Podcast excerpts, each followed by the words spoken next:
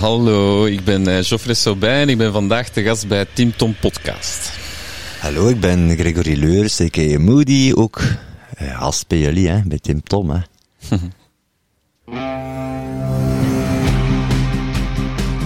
Welkom bij de Tim Tom Podcast. Ik ben Timothy. En ik ben Tom.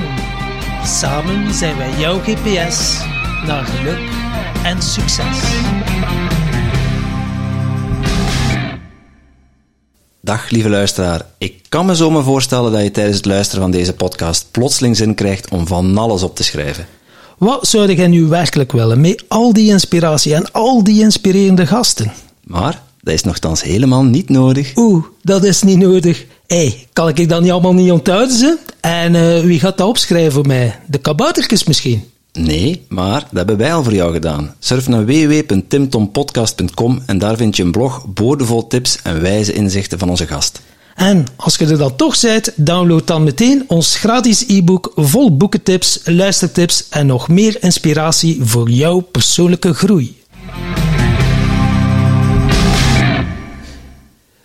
Welkom bij alweer een nieuwe aflevering van de Tim Tom podcast. En uh, ja, vandaag uh, toch wel uh, iets, een hele bijzondere podcast. We hebben niet één gasten, maar twee gasten.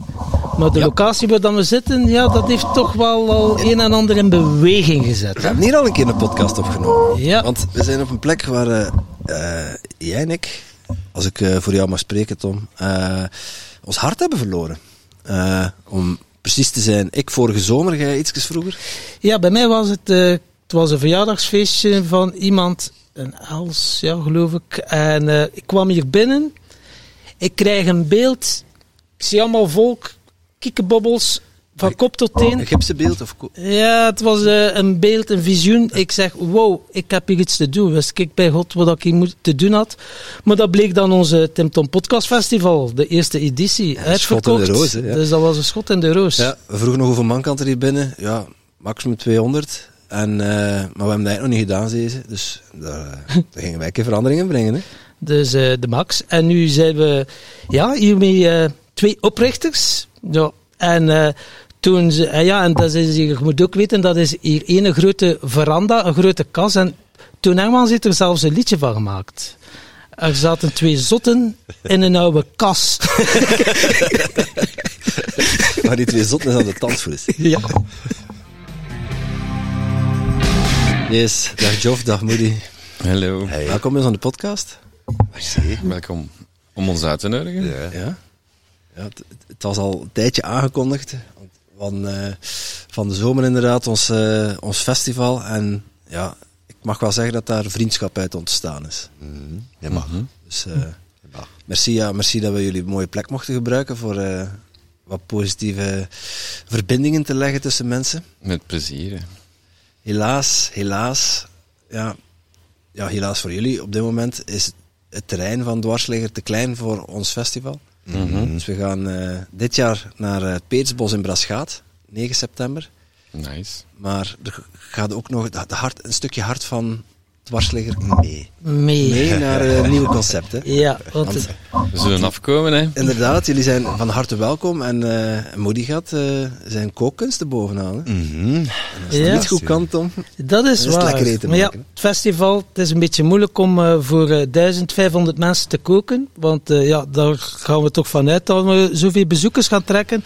Maar we hebben ook voor ondernemers B2B en dan mag het dan wat iets exclusiever zijn, het eten. Ja, en we hebben een sterrenchef onder ons midden. En het was kies dus Sergio Herman en de Moody. En de keuze was eigenlijk vrij makkelijk. Ja, ja. Voor degenen die Frans verstaan, ik heb een ster inderdaad. Ah, maar on dit ça en français. Elle est tellement petite qu'on l'appelle les toilettes.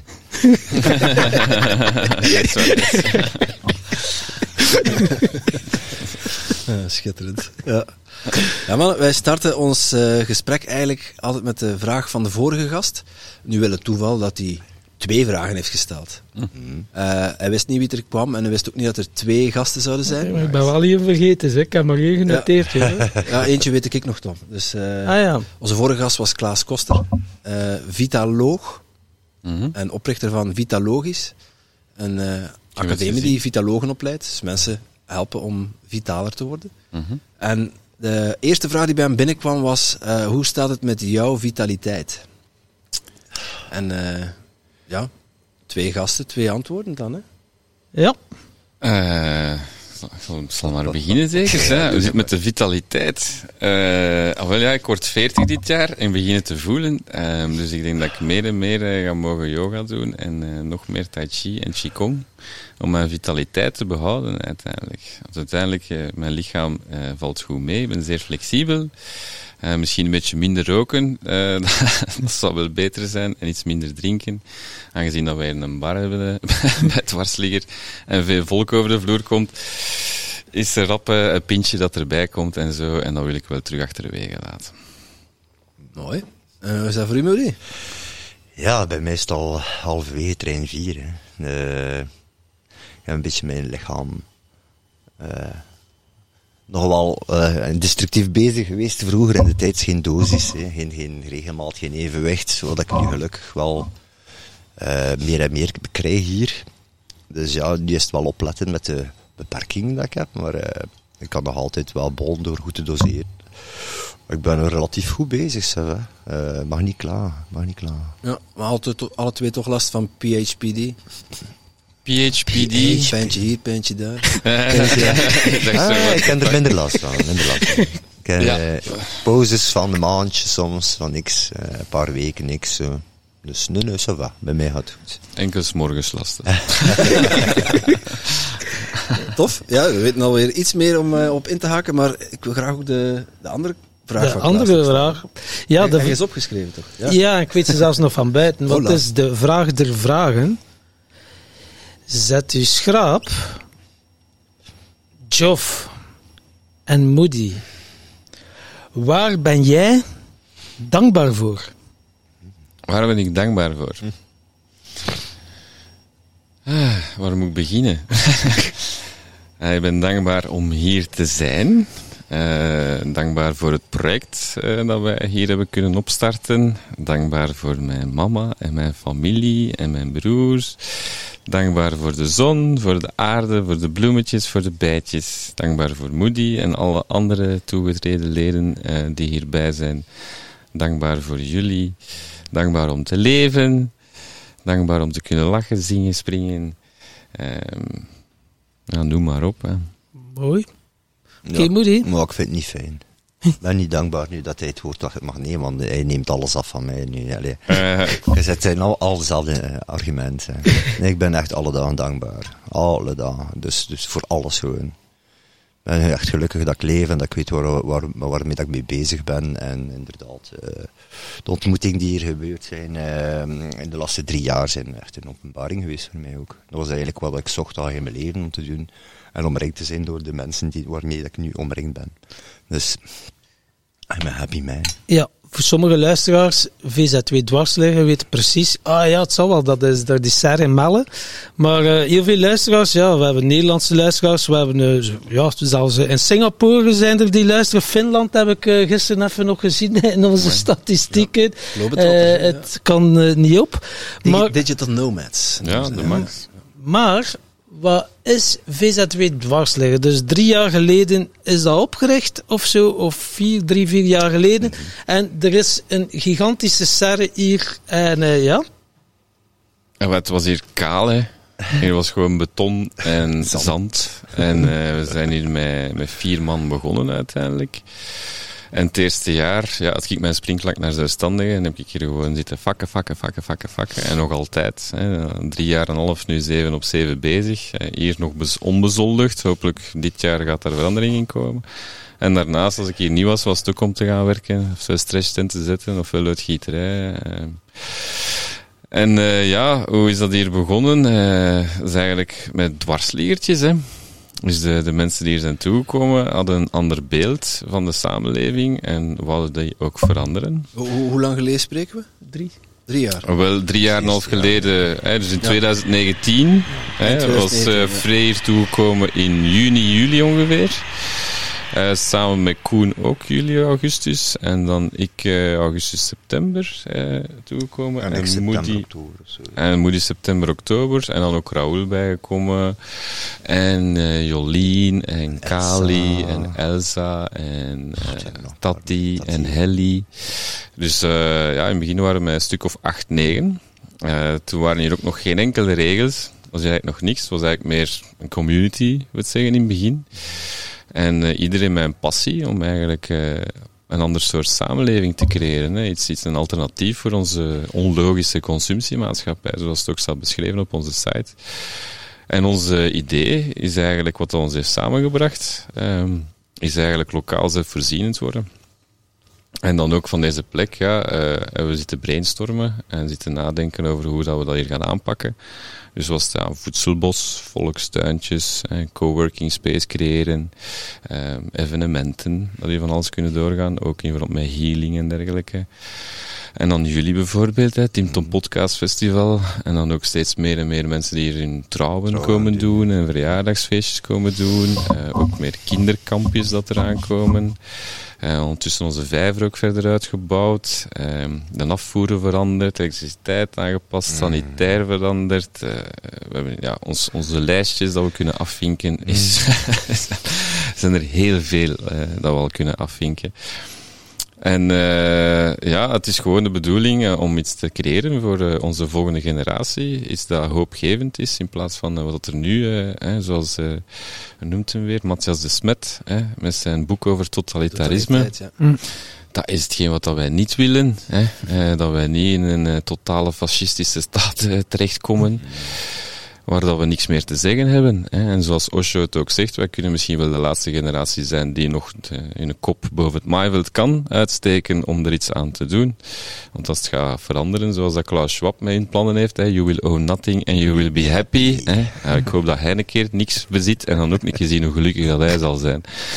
Dus ja, eh, en dan ook de privégronden dat onder onze, onder onze voeten worden weggenomen. De boeren dat worden, worden buiten gebonjourd en eh, in privégrond dat wordt afgepakt. Wat ook als gevolg zou kunnen hebben dat wij ook geen privaatrecht niet meer hebben. En dat willen wij nu tegengaan. En we hebben ook een paar heel interessante mensen tegengekomen die ons daarbij helpen. En, de wetten hebben beginnen uit te leggen. En daardoor dat wij nu eigenlijk in onze kracht gaan staan. En dat wij alles hier in privaatrecht trekken in plaats van in bestuursrecht. En eh, dat valt erboven. En daardoor hebben wij veel meer mogelijkheden, zolang dat wij niet doden, niet stelen, niemand pijn doen en, en dergelijke. Hebben wij het recht om te doen wat dat wij willen op onze privégrond. Privaatrecht, bestuursrecht, eh, is dat zo een groot verschil? Ja. Dat is een heel groot verschil, ja. Want je hebt, eh, ik wist dat vroeger ook niet. Hè. Wij worden wel verondersteld van de wetten kennen. Maar eigenlijk zitten ze zo in elkaar. Je hebt de landwetten, je hebt de waterwetten en je hebt de luchtwetten. In de luchtwetten zit uw trust. Hè. En uw trust, eigenlijk, eh, iedereen dat hier geboren is, eh, heeft van begin af aan een trust in zijn naam opgericht. Op uw identiteitskaart staat uw rijksregisternummer, staat uw identiteitskaartnummer en achteraan een ganse race letters en cijfers. En dat zijn eigenlijk al drie bankrekeningen van de vier op uw naam, in uw trust eigenlijk. Er staan miljoenen euro's, voor sommigen zelfs miljarden euro's op per persoon hier in België. En dat weten wij niet. En dat is eigenlijk ons geld, dat eigenlijk wordt beheerd door een trustee. En onze trust beheert. En eigenlijk alle belastingen en boetes die u worden opgelegd, zijn eigenlijk al eens betaald geweest met uw trust. En dan wordt eigenlijk, ze proberen het u eigenlijk dubbel te laten betalen. Nu hebben wij geleerd dat de landwetten hè, boven de waterwetten staan. In de landwetten heb je de universal laws, heb je de natural law, heb je de common law en daaruit de constitution. Dat is ontstaan. En daarin zit uw privérecht. Dat is eigenlijk uw geboden. En in het ander, de waterwetten dat daaronder staan, heb je eigenlijk bovenaan de UCC, de Universal Commerce Code. Heb je daaronder ook uw, ehm, niet Marshall, maar de Marshall Law, het is de Admiralty Law. Dat is de Admiralty Law. Daaronder heb je dan de rechtbanken en daaronder heb je dan de personen. Hè. Dat is Persona, allemaal Belgische wetgeving. Dat is eh, Dat is universele wetgeving. Universele wetgeving. Natuurlijk, de grondwet verschilt van land tot land een beetje, maar in het algemeen is dat ongeveer hetzelfde. En het ding is, je kunt je identificeren als persoon, een natuurlijk persoon of rechtspersoon. En iedereen heeft een natuurlijk persoon. Ik dacht vroeger, eh, dat je een persoon zijt. Maar persoon komt eigenlijk van persona en dat betekent masker. En het ding is, ehm, je geen natuurlijk persoon, want je hebt het recht in de BUPO, eh, het uh, Internationaal Verdrag voor Burger- en Politieke Rechten, gebaseerd op de Verklaring van de Rechten van de Mens, staat dat je het recht hebt om te identificeren als persoon. Dus je hebt niet de plicht om te identificeren als persoon. Wat dan een rare zin was, is uiteindelijk. Want ik dacht zo, ja, hoe dat, kan ik mij interesseren als een plant of als een dier? Of eh, hoe slaagt dat nu? Maar uiteindelijk heb je het recht om te interesseren als persoon of, dat zinnetje staat er niet bij, of als vrije man of als vrije vrouw. En eigenlijk heb jij zelfbeschikkingsrecht, heb jij het recht om rond te lopen, heb jij recht op onderwijs, eh, gratis onderwijs zelfs, maar iedereen betaalt ervoor. En eigenlijk ziet je dat bijvoorbeeld de legale wetten, dat volledig in het water vallen, onze grondwet volledig ondermijnen. Op alle gebieden. Natuurlijk kun je daar het recht om dat te gebruiken, de, uw, uw persoon. En dan valt je volledig onderaan, in, onder dat bestuursrecht. Maar daarbovenaan, hè, dat UCC, de Universal Commerce Code, daar staat ook in dat uh, een legaal contract pas geldig is als je twee natte handtekeningen hebt. Heeft er iemand van jullie een legaal contract met het bedrijf? Een natte handtekening is getekend met een balpen. België is ook een bedrijf, is een corporatie.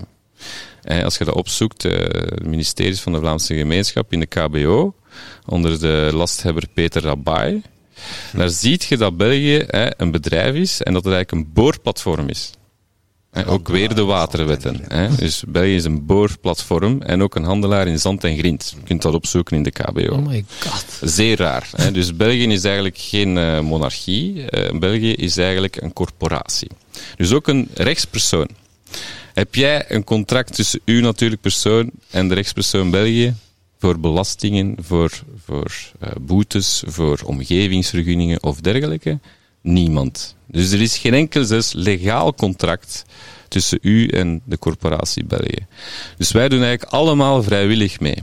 Als jij een brief binnenkrijgt van de belastingen, hè, en er staat op, je moet dat betalen, dat doe jij vrijwillig. Want er is geen contract uiteindelijk. En dat is ook zo voor boetes. Nu, ik wil nu niet iedereen gaan aansporen om zomaar zot te gaan rondrijden of dergelijke. Maar eigenlijk komt het daarop neer dat jij geen contract hebt met geen enkel politiebedrijf. Want politie is ook een bedrijf. Hè, die proberen zoveel mogelijk geld te innen. En dus alles in het water met de legale contracten is allemaal commerce. De Universal Commerce Code, dat is een internationaal bedrag. Dus alles is commerce. Het is overal om geld binnen te halen. De meeste mensen denken ook dat de banken het meeste geld hebben, maar eigenlijk zijn het de rechtbanken. Omdat de rechtbanken uw trusts beheren. Dus je moet je inbeelden, 7 miljard mensen die allemaal minimum miljoenen euro's op hun rekening hebben. Dus je moet niet vragen hoeveel geld dat er eigenlijk daar zit. En uw persoon wordt zelfs verhandeld als een aandeel op de markt. Naarmate dat jij ook meer bedrijven, uh, meer diploma's hebt. Als je hoort een allemaal rechtbank. Ja, inderdaad. En uh, naarmate dat je ook meer diploma's hebt en ook meer vennootschappen of dergelijke, of rechtspersonen, gaat, stijgt uw waarde ook van uw persoon. En maar je zijt die persoon en je hebt dat, een persoon. Dus ja, eh, de politie bijvoorbeeld, als je je tegenhoudt zomaar op straat, dat gaat zomaar niet. Hè. Er moeten altijd uh, geldige redenen zijn. er zijn er drie. Ik heb ondertussen gehoord vier, maar ik weet er drie alleszins. Dat is oftewel betrappen op heterdaad, uh, met misdaad. Oftewel moet er een schadeclaim zijn met een brief, met een natte handtekening van iemand anders. Oftewel onder koninklijk arrest met een brief van de procureur des konings met nog een handtekening van de minister ook nog eens bij invoegen. Dus dat zijn de enigste redenen waarom als u zomaar op straat mogen tegenhouden. Dus als de politie eigenlijk u achter uw identiteitskaart vraagt, zomaar, dan heb jij niet de plicht om dat af te geven. Je hebt het recht om u te identificeren als persoon. En hier ook nu hè, met de omgevingsvergunningen die ons werden opgelegd. Eh, wij wouden samenwerken met de gemeente. Wij hebben van begin af aan ook contact gezocht met de gemeente om samen te werken. En in het begin was dat ook mondeling in orde om hier een tiny house als voorbeeld, eh, als alternatieve woonvorm, in combinatie met permacultuur en alternatieve energieën, hè, zoals vrije energie, dat meer en meer wordt een onderwerp nu, wordt, hè, maar al lang is tegengehouden geweest, want je kunt daar geen commerce mee doen. En dat was in orde in het begin, om eigenlijk hier uh, zoiets te doen. Ook workshops was ook toegelaten, maar allemaal mondeling weliswaar. Tot op een gegeven moment krijgen we dan een brief van het departement Omgeving. van de Vlaamse overheid voor te zeggen dat wij in overtreding zijn met vijf vergunningen. En dat was voedselbos en volkstuintjes, wat dat heel raar was, want we waren nog niet begonnen aan het voedselbos. dus dan kunnen we daarmee overtreding zijn. Volkstuintjes heb ik ook opgezocht in de Vlaamse Codex. Onder een halve hectare zonder vaste constructies moeten ze zelfs geen vergunning aanvragen. Dus dan konden we daarmee in overtreding zijn. Dan tiny houses, dat die tiny houses staan. Ik zeg, maar hier staan nog geen tiny houses. Hier staan gewoon twee lege karren waar dan niemand in kan wonen. Ik zeg steeds tegen de gemeente van, je mocht er rustig gaan wonen. Ja, vreekoud hebben. dan um, evenementen. Ik zeg evenementen, alles is privé. En dan begonnen ze te stijgeren ook. Want privaatrecht, hè, dat weten ze precies toch wel. Als privé is, hebben ze veel minder te zeggen uiteindelijk. Dat, dan een horecazaak, waar ook in overtreding. Maar ik zeg, wij hebben hier geen horecazaak. Dat een publieke horecazaak is, waar iedereen kan binnenstappen en maar iets eten en drinken. Dat is enkel voor de leden een keer een hapje en een tapje aan te bieden tijdens een evenement. Dus dan kunnen we daarmee in overtreding zijn. Dus ik heb uiteindelijk alles afgeketst. En dan zijn ze toch blijven doorpushen natuurlijk. We dan, uh, een week later krijg dan de brief van uh, onze schepen van milieu en omgeving. Met alle omgevingsvergunningen die werden opgelost, opgelegd eigenlijk. En ik heb die ook gepost op Facebook. Om aan te tonen van zie hoe absurd het gaat uiteindelijk. Hè. Omdat dit landbouwgebied is en parkgebied, mogen hier geen yoga doen. Wat dat heel raar is. Hè. Precies dat de plantjes gaan afzien van de, was, de yoga. De was doen, mag dat Ja, wel? nee, maar, ik ook niet. Hè. Nee, de was mogen die hier af en toe doen. Hè, voor, de, voor de werkkleren te wassen, dat mag nog wel. Maar eigenlijk mocht je alleen maar, hè, naast je hoofdactiviteit op landbouwgrond of parkgebied, mocht je als nevenactiviteit eh, enkel bijvoorbeeld iets therapeutisch doen. Hè, dus gericht op time-out trajecten of NAF-trajecten. Ehm, en daarnaast eventueel ook nog bijvoorbeeld een paardenmanege. Dat kan hier ook nog, omdat dat nog aan landbouwgrond gekoppeld is. En er zijn er nog zo'n stuk of 15 van die. Maar zeer beperkt uiteindelijk. Dus een coworking space bijvoorbeeld, dat gaat niet. Want je mag maximum eh, voor je nevenactiviteit een opslagplaats van 10 meter op 10 meter creëren. Dus een coworking space waar iemand in werkt, dat mag niet. Je mocht enkel daar iets van 10 op 10 zetten voor iets in op te slagen. En that's it. Dus die coworking space dat wij gebouwd hebben, dat wij van begin af aan ook gezegd hebben, dat zouden wij eigenlijk moeten afbreken. Oftewel puur voor de landbouw gebruiken, dus dat daar enkel plantjes in staan. Dus dat zou een mogelijkheid zijn, maar bijvoorbeeld hier onze workshopruimte, dat zou ook illegaal zijn, want je mag daar geen lezingen doen, geen evenementen, geen, niks. Eigenlijk mogen we bijna niks doen. En ik heb gewoon gemerkt na een maand en een half in de Vlaamse Codex op te zoeken dat een, een project zoals Dwarsligger, door de veelzijdigheid aan activiteiten, dat dat eigenlijk op geen enkel Vlaams grondgebied mogelijk is. Niet. Oké. Dus op een gegeven moment is dan Jellen binnengekomen met zijn workshop Hoe in je recht staan. En die heeft mij dan uitgelegd van hoe dat privaatrecht en publieksrecht in elkaar zit. Hoe dat strafrecht in elkaar zit, hoe dat de wetten in elkaar zitten. En dat was voor mij in één keer het besef van wauw, eigenlijk zijn we vrij. Eigenlijk zijn we vrij. Als wij onze rechten kennen, dan zijn we eigenlijk al vrij. Probleem is, is dat eh, de legal idiots, zoals ze ze noemen, de politie, de gemeente, de advocaten eh, en dergelijke, en de eerste rechtbanken van aanleg en het die kennen het allemaal niet. Dat zijn de legal idiots, die zijn opgeleid binnen het legaal systeem. Dus bij die mensen kun je daarbij niet terecht Hoe kunnen die dat nu niet kennen? Omdat dat niet wordt geleerd op school. Eh, het ding is, heb jij ooit gehoord van de landwetten, waterwetten, luchtwetten? nee. Nee, ah, wel niemand dat ik Grondwet ken. ken ik. Nee, Ja, niet oh. in mijn hoofd, maar... Bijna niemand. Hè. Dat was bijvoorbeeld de advocaat van Hans Blankaart. Daar heeft Jelle eigenlijk zijn opleiding gevolgd.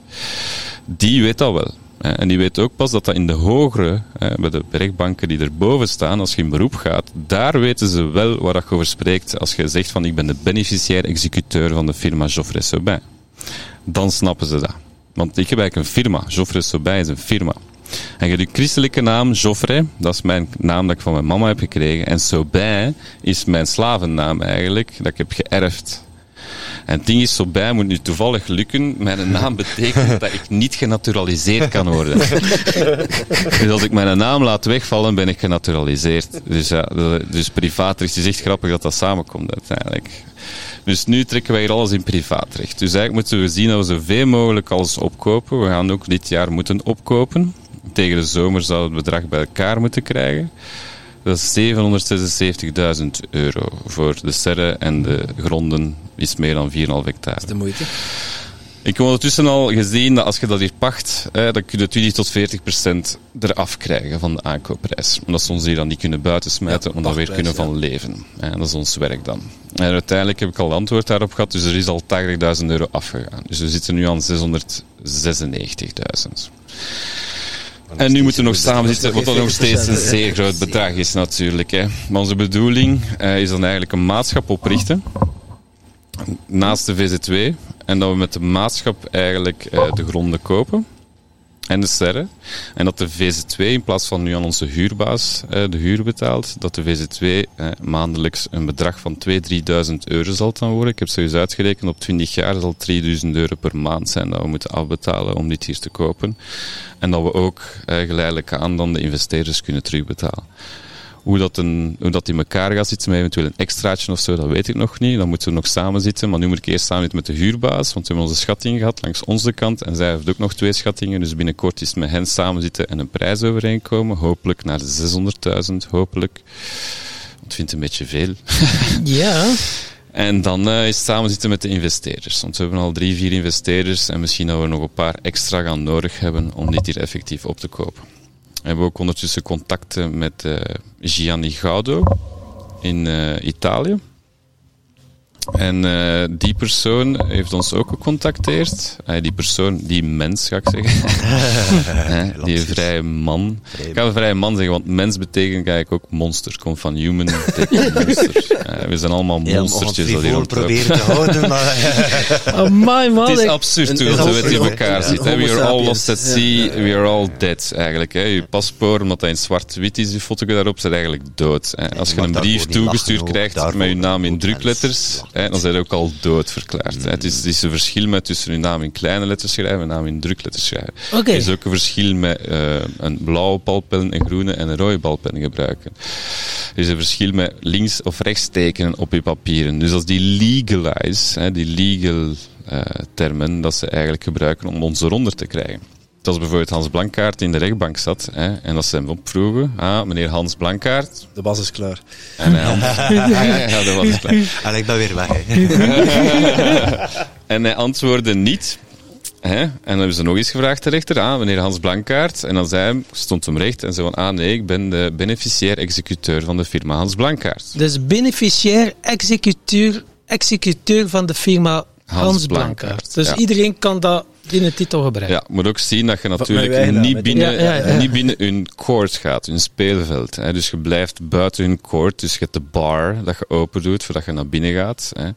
Daar moet je buiten blijven. Ook als de rechter binnenkomt, hè, gaat er niet recht staan, want als je gaat recht staan, geeft al uw, uw, uw gezag af aan hem en krijgt hij al uw verantwoordelijkheid. Dus hij blijft daar buiten. Hè. Dus dat drie keer gevraagd. Want drie keer is scheepsrecht. Weer al in het water. De legale wetten. Drie keer is scheepsrecht. Dus hebben we dat drie keer gevraagd. Ah, meneer Hans Blankaart. En elke keer, nee, ik ben de beneficiair-executeur van de firma Hans Blankaart. En dan op een gegeven moment, na die drie keer, staan die rechters recht. Van ja, als het zo zit, en die staan recht en die zijn naar buiten. En dat was gedaan.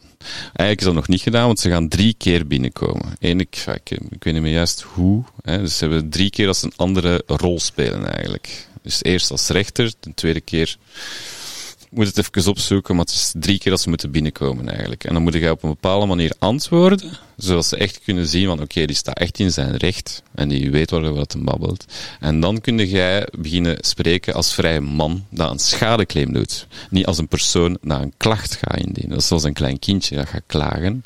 Maar een man dat in zijn recht staat, gaat een schadeclaim doen. Want jij hebt mij dat aangedaan. Ik en dan kunnen ze zelf je prijzen gaan bepalen en zeggen van kijk, dat is mijn schadeclaim. Je hebt ook bijvoorbeeld, als ze zeggen in de rechtbank, gaat u de waarheid zeggen of niks anders dan de waarheid? De meesten gaan zeggen ja, maar de waarheid is subjectief. Het is uw waarheid. Dus eigenlijk moet je dan zeggen, nee, ik wens mij te baseren op de feiten. Dus dat is uw antwoord. En dan gaan ze zeggen, ah, breng een getuige maar naar voren. Nee, ik heb een man mee die een getuigenis gaat afleggen in verband met de feiten.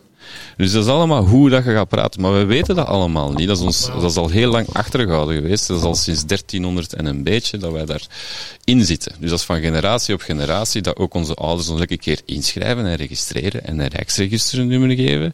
En dat we eigenlijk Ja, eh, slaaf nodig zijn. voor, voor uw bankrekening, hè? Dat is wel het ding, maar dat is het ding, je hebt het recht om je persoon te gebruiken. Dus eigenlijk bijvoorbeeld Mirjam Dont of Isabelle Lambrecht, die uh, van alle lezingen geven over soevereiniteit. Ik weet, ik weet niet wie, de, wie, wie, is wie er op die pot geld zit en hoe dat dan allemaal individuele bankrekeningen nou, wel, Mirjam Dont heeft ondertussen de schatbewaarder gevonden van België. En zij is nu bezig om te proberen haar trust terug te krijgen. Misschien moet dat niet zeggen op de Team Tom podcast. Inderdaad, misschien wel. Maar wat, uh, deze waarheid, het zijn feiten. Het zijn feiten hè. Ja. Um, maar zij zijn dus bezig met volledig soeverein worden. Hè, waarbij dat je een, brief schrijft naar de koning, dat je wil uitschrijven, dat je geboorteakte terug opvraagt, in plaats van nu identiteitskaart en dergelijke. En dat is een proces van zes maanden op zijn minst, met allemaal papieren dat je moet invullen en terugsturen en, en dat. Een ganse romslomp om dan eigenlijk gewoon je persoon te elimineren. Hè, maar sinds dan die lezing van Jellen, van hoe in je recht staan, zie ik dat je het recht hebt om je als persoon te identificeren. Dus je moet gans dat proces niet doorgaan. En langs de andere kant, zoals je zegt, binnen het legaal systeem, er ook een persoon nodig om een bankrekening te openen. Ja, want, ja. ja, zonder gaat niet lukken. Ja, zonder gaat niet lukken. En ook voor een job te hebben en dergelijke, binnen de commerce, binnen het water, heb je ook een persoon nodig. Je kunt altijd natuurlijk hè, op andere manieren samenwerken, alternatieve munten creëren en dergelijke, maar ik denk dat we daar nog niet zijn. Misschien op bepaalde plaatsen, zoals hier hebben ze ook de torcus als alternatieve munt. Ja, dat kan wel. ook uh, een systeem. Ja, waarom België een boorplatform is. Uh... En België is een boorplatform, maar dat is toch... Ah ja, ja, als je daar allemaal achter komt, is ze van, wat the fuck, zijn we bezig? Waar het staat, of hoe of wat, maar ja. ja. En we are all lost at sea. Wij worden bekeken als dood. En het is, ja, dus het ding is hier eigenlijk met, met dwarsligger gaan we ook proberen, waarom dat we eigenlijk eventueel naar grondlegger willen gaan, hè, VZ2 grondlegger in plaats van VZ2 dwarslegger, is om eigenlijk natuurlijk de grondwet onder de voeten van de mensen te steken en te zien dat iedereen zijn privérecht kan staan. Maar bijvoorbeeld met tiny houses is, is een groot probleem nu, want ze hebben daar nu een wet rond gemaakt, hè, eentje per bouwgrond. En dus dat is een groot probleem, want veel mensen hebben nu een tiny house, maar kunnen nergens gaan staan. Dus eigenlijk, via, het, via het legaal systeem gaan ze, hebben ze alles onderverdeeld in landbouwgrond, bouwgrond, industriegebied, parkgebied, eh, noem maar op. Maar dat is hun bestuursrecht. privaatrecht staat daarboven. dus oftewel, investeer je als persoon, dan vallen volledig onder hun bestuur. En we zijn juridictie over u. Oftewel, ga je als vrijman staan. En dan zijn zij uw dienaren. Dus als je volksvertegenwoordiger zit in de Senaat, zij vertegenwoordigen normaal u. Maar ja, we zitten hier in een particratie, hè. we zitten geen democratie. Hè. Mm. Hè, wij stemmen op een partij, we geven onze stem weg en zij doen wat ze willen. Ik ben nu al 40 jaar, bijna. Ik heb nog geen, uh, geen voordeel gehad aan, aan te gaan stemmen uiteindelijk. Hè. Opnieuw zeggen ze dan ook bijvoorbeeld, dat is ook zoiets grappig, als je niet gaat stemmen, dan krijg je een boete. Dat mag niet. En je gaat ook geen boete krijgen, want ik ben ook al niet gaan stemmen en je krijgt daarvoor geen boete. Dat is illegaal zelfs. Dat is dus illegaal. Hè. Let op als je stilstaat bij het woord democratie ook. Hè. Dat is wat wij van jongs af aan zijn aangeleerd geweest dat we een democratisch, democratisch land zijn. Eigenlijk als je het bekijkt, democratie, wat is dat? Dat is de dictatuur van de minderheid. Dus eigenlijk, al, als je bekijkt, kun je al, al, altijd zien dat het systeem dat wordt ons opgelegd, dat dat eigenlijk gewoon een manipulatie is van woorden, van, van, van, van factoren en zo. En wij denken dat we goed bezig zijn, maar eigenlijk alles draait terug naar, naar je, je, je, je soevereiniteit als mens, als vrij mens. En daar kun je niet over discussiëren, daar kun je niet bij met hiërarchieën en zo verder. Het gaat daarom. Wij, wij proberen hier ook een plaats te zijn daarvoor. Hè. De mensen te stimuleren ook. Hè. Ook te, hun, hun, hun, rechten te kennen, maar ook hun eigen kracht ook. Hè. Let op, want nu zijn we bezig over wetgeving hier nu. Hè. Dat is nu natuurlijk een heel belangrijke... Hey, maar op dit moment als je, als je, als je iets wil doen wat, niet, wat, wat, nu volgens de bestuursrecht niet, niet kan, hè, codex ruimtelijke ordening, ja, de activiteiten hier zijn zo divers dat ze eigenlijk alle bestemmingen eraan zou moeten toekennen. Wat in theorie wel mogelijk is, overigens. Hè. Dus uh, ik, ik zou niet zeggen. Ik heb ook ik heb gestudeerd. In Nederland zou dat, uh, zou dat wel kunnen, in experimenteerruimte. Mm En dat is dus in België ook mogelijk. Jawel, jawel dat is altijd tegen. Maar ze moeten het wel faciliteren. En, en, mhm. nu, op dit moment is dat dus niet mogelijk. Geen enkel stuk grond in België voldoet aan die ja, wat de eh, bouwgronden, eentje per bouwgrond. ja. En ik dat dan ook nog eerder kangoeroewoning is voor echt je oma of dergelijke te laten inwonen. Nee, maar er is ook maatwerk mogelijk. Hè. Ja. Maar, uh, Moody, jij zei net van, ja, onze democratie is de dictatuur van de minderheid. Kun je, kun je eens uitleggen wat je daarmee bedoelt? Is Want niet van de meerderheid? Nee, de dictatuur tegen, tegen de minderheid. Ah, tegen de- tegen de minderheid. Tegen, Ja, de- ja, ja. minderheid. Pardon, ik heb hem waarschijnlijk... eh, Ja. Maar het is hoe dat je bekijkt en de meerderheid stemt. Ja, pardon, excuseer me, ik moet dichter bij de micro. Eh, bonjour, micro. Eh, je tijd moet doen. de, wat, wat ik wil zeggen is gewoon als je, als je naar alle vormen van samenlevingen kijkt, is er altijd wel een hiërarchie. Hè? Maar daar wordt, iedere, iedere samenleving wordt gezien als de beste. Hè? Communistische werd gezien als de beste. Op papier, let op, een fantastisch systeem. Ik sta er zelf volledig achter. Democratie op papier. Fantastisch systeem. Je kunt dat zo benoemen overal, de communities ook. Je hebt altijd wel een menselijk aspect die daarmee speelt. Maar dat zou ook moeten primeren en niet het juridische, niet het, eh, eh, het ja, hoe, dat, hoe dat eigenlijk wij als mens, als persoon wordt gezien. Dus de, al, allee, gedemystificeerd van de mens zelf. De mystiek van de mens. Eh, want we komen ook van ergens, hè. er is nog altijd geen consensus van waar dat we komen. Ik ben tussen aanhalingstekens een, een ex eh rasechte Darwinist. Evolutioneerd tot en met. Ik moest alles kunnen verklaren, anders geloofde ik dat niet. Toch bizar genoeg, op bepaalde leeftijd heb ik wel al in, mijn leven heel vaak dingen gevoeld. Dat ik niet kon verklaren. Dat ik, dat ik jaren aan een stuk geprobeerd te verklaren. En nu begin ik, begin ik dat te laten gebeuren. Dus ik blokkeer het niet meer intellectueel en cultureel gezien. En ik voel dat er eh, bij mij iets aan het ontgroeien is, aan het ontwikkelen. Ik voel verbinding meer met mezelf, eerst en vooral met mezelf, met mijn omgeving en met de mensen. Maar op een heel andere manier. Dus je- dat, dat je dan nu een, een etiket opplakt van gelijk welke naam dat noemt, de essentie is dat niet. De essentie is dit, wat we niet aan het doen zijn, praten met elkaar, communiceren met elkaar, luisteren naar elkaar, elkaar misschien aanvoelen. Het is, is een, een uitwisseling en niet van, het moet niet unilateraal komen, pardon. Altijd, ergens komt altijd unilateraal. Bij een systeem het altijd van één richting naar de andere en heel zelden terug. Dat is een beetje wat ik daarmee wil bedoelen. Soms zeg ik hele kleine woorden die heel veel willen zeggen en soms zal ik het zelf niet meer aan uitzenden. heb. Maar nu, nu, nu stel ik mij dan de vraag, eigenlijk als elke gevangene dat weet, dan zijn de gevangenissen leeg. Maar Dan moet je uitsteken Je wat dat mag je mag Je- geen je zult criminele niet feit, doden, mag niemand wel pijn doen. Hè? Je mag geen, niemand onrecht aan doen. Hè? Ja, maar wie gaat dat bepalen? Als je fraudeert of zo, Maar- wie doet de... Eigenlijk is het is vrij simpel, van eh, niet doden, niet stelen en niet pijn doen. Ik denk niet dat eh, de bewuste mensen daarvoor een wet Nee, als je vanuit het hart leeft, dan, niet- eh, voilà. dan Ik denk niet dat dat eh. echt nodig is. Dus ik ben ook wel blij dat er bestuursrecht is, hè, voor de onbewuste mensen die hier gewoon rondlopen en eh, echt onbewuste dingen doen en soms grove dingen doen. En je wil niet weten wat er allemaal gebeurt in de wereld qua grove dingen. Dus daarvoor is goed dat er bestuursrecht is. Eh, maar langs de andere kant, op je privégrond, hè, eh, bijvoorbeeld nu zou dus, volgens de Vlaamse wetgeving, zou je zelfs op je privégrond voor een privéfeestje zelfs normaal moeten aanvragen bij de burgemeester of dat je een feestje mocht doen. En dan is dat één keer per maand, twaalf keer op een jaar. Max. Wat dat echt zot is, want dat is dan hè, terecht op verenigingen eh, en dergelijke, dus dat wordt dan daar ook weer ondermijnd. Hè. Het zou ook zot zijn, hè? bijvoorbeeld in Gent hebben ze dat dan eruit gelaten. Hè? Dus dat is op provinciaal niveau dat dat gezegd wordt, dat je zelfs voor privé-evenementen dat moet doen. In Gent is dat enkel in een tuin als je een tent zet. En in Melle is dat ook weer terug als je binnen in je dingen zit. Maar het zou ook zot zijn ook bijvoorbeeld als in Gent al die mensen elke dag moeten bellen aan de burgemeester, ah, mag ik hier een feestje doen? Dan moet de burgemeester alleen nog maar meesturen van ja, jij wil, jij niet, ja, er is dan niks anders mee te doen. Dus daar is een gedoogbeleid. Maar als de spuigaten uitloopt, kunnen ze wel je deur binnenvallen. Volgens hun legaal systeem. Dat dan weer wel. Maar in verband met die democratie, wat ik daar nog wel over wil zeggen, uiteindelijk, hè, met Albert II, wij onze laatste referenda gehad. Referendum. Dat is ook weggevallen. Eigenlijk moeten wij niet stemmen op partijen, moeten stemmen op wetten. Wetten voorleggen, en dat kan nu perfect met onze technologie dat wij hebben, om wetten voor te leggen, met eventueel een deftige uitleg, de pro en de contra's, en dan mensen kunnen kiezen.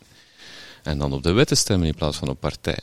Het zou rap gedaan zijn, denk ik, met, Ja. met hun, eh, met hun gedoe. Hè, bijvoorbeeld, hè, dus nu bijvoorbeeld de PVDA dat daar in de oppositie zit, constant te Dat zeggen van rijken taxeren, moet Maar er verandert niks. Hè. Dus Ja. Hetzelfde met referenda. Je kunt nog altijd een referenda doen, maar je hebt enkel adviesrecht. Je moet al 10% van de mensen hebben van je provincie om een woord te hebben, om een advies te hebben. En het is, blijft een advies, dus je kunt nog altijd zeggen, ja, oké, je hebt je best gedaan en je kunt me daar enorm veel energie in steken, maar we gaan toch niet luisteren.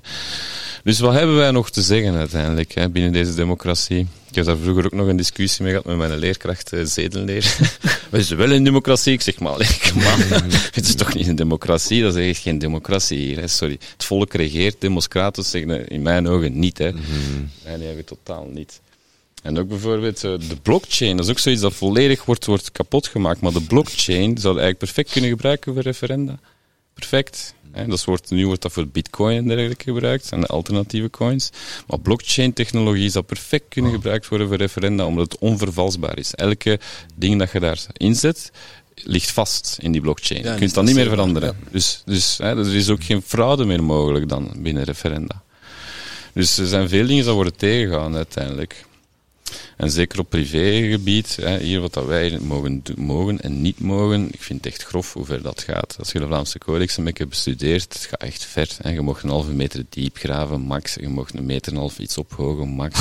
Je al die regeltjes, hè. je mag een tuinkot zetten, maar max zo hoog. Je mag een schuilhok voor beesten zetten, maar die afmetingen. Mm. Al die regeltjes, het is verzot te worden gewoon. En als je dan gaat praten met mensen van het departement omgeving, want die zijn hier geweest voor een teambuilding, die zeggen ook, ja, we moeten ook alles opzoeken. Elke keer als er een mail of een vraag binnenkomt, dan moeten we alles opzoeken. En als het een beetje een moeilijkere vraag is, dan gaan we het even opzij laten. Zelf advocaat. Hè? Ja, en zelfs als advocaat. die niet kon antwoorden op, op heel specifieke vragen. En een aantal. Hè, die Want ik had ook zo'n vraag van, als hier een externe dat je privé afhuurt, is dat dan privé? Want iedereen kan dat dan privé afhuren. Al ik heb vier keer naar het justitiehuis in Gent moeten bellen. En pas de vierde keer was er een advocaat dat kon antwoorden. Van, ah ja, nee, maar als het privé afhuren, is het ook privé. Want ik had dan zoiets van, ja, hoe moet dat dan doen? Moet dan iedereen lid zijn? Want het is eigenlijk, als wij iets organiseren met de WD2, moet iedereen lid zijn. Als een externe dat hier afhuurt, moet dat niet. Oké. Dus dat zijn allemaal van die regeltjes, het is verzot worden. Ja, dat zal wel, man. Ja, ik denk dat ik dat je advocaat was, dat je gestudeerd had. Dat mij, man. Dat je zei een wandelende encyclopedie, maar... Uh, Heeft inderdaad wel... Ik twijfel of we een VZW moeten oprichten. maar met, met de juiste raad wel, hè. Met de juiste raad. Een maatschap kun je eventueel oprichten. Een maatschap moet je gewoon zeven jaar je boekhouding bijhouden. Moet dan niet elk jaar gaan binnen doen. En de winst kunnen verdelen. En er is veel minder bureaucratie dat er aan te pas komt. Dus een maatschap is misschien niet slecht. Een maatschap? Jullie gaan ook wisselen van structuur? Dat is eigenlijk geen rechtspersoon, dat is een rechtsvorm. Dus dat is ook weer een verschil. Weer al. Okay. Dat is eigenlijk goed voor opstartende bedrijven. Maar ja, je kunt dat blijven als behouden. Als, dan stap je in als rechtspersoon. Uh, nee, als natuurlijk persoon stap je in. Uh, natuurlijk, ja. ja. ja. ik heb ja, van die dingen geen kaas gegeten, dus ik ja, kan maar het weer uitspraken Er zijn nogthans een Hollander en je hebt geen kaas gegeten. Ik snap er niets van. van. geen kaas. Maar ja, maar je bent ook lactose intolerant. ik, lust, ik lust wel heel graag kaas. Heel veel kaas, ja. Maar um, ja, we zitten hier niet om uh, de, ons bij te spijkeren over de wetgeving. Nee. Maar, ja, het is ja, toch interessant, hè, jongen? Dus zeker interessant. Ja. Maar wat nog interessanter is, is ja, de reden waarom ik mijn hart verloren heb aan het marsleger. En de filosofie die erachter zit, ik vind het, ik vind het prachtig. Uh, de maakbare maatschappij. Trouwens, iedereen in België is volgens mij iedereen vrij om, om een politieke partij op te richten. En ja. Stemmen te ronselen en daar te Maar om daar te kunnen zetelen...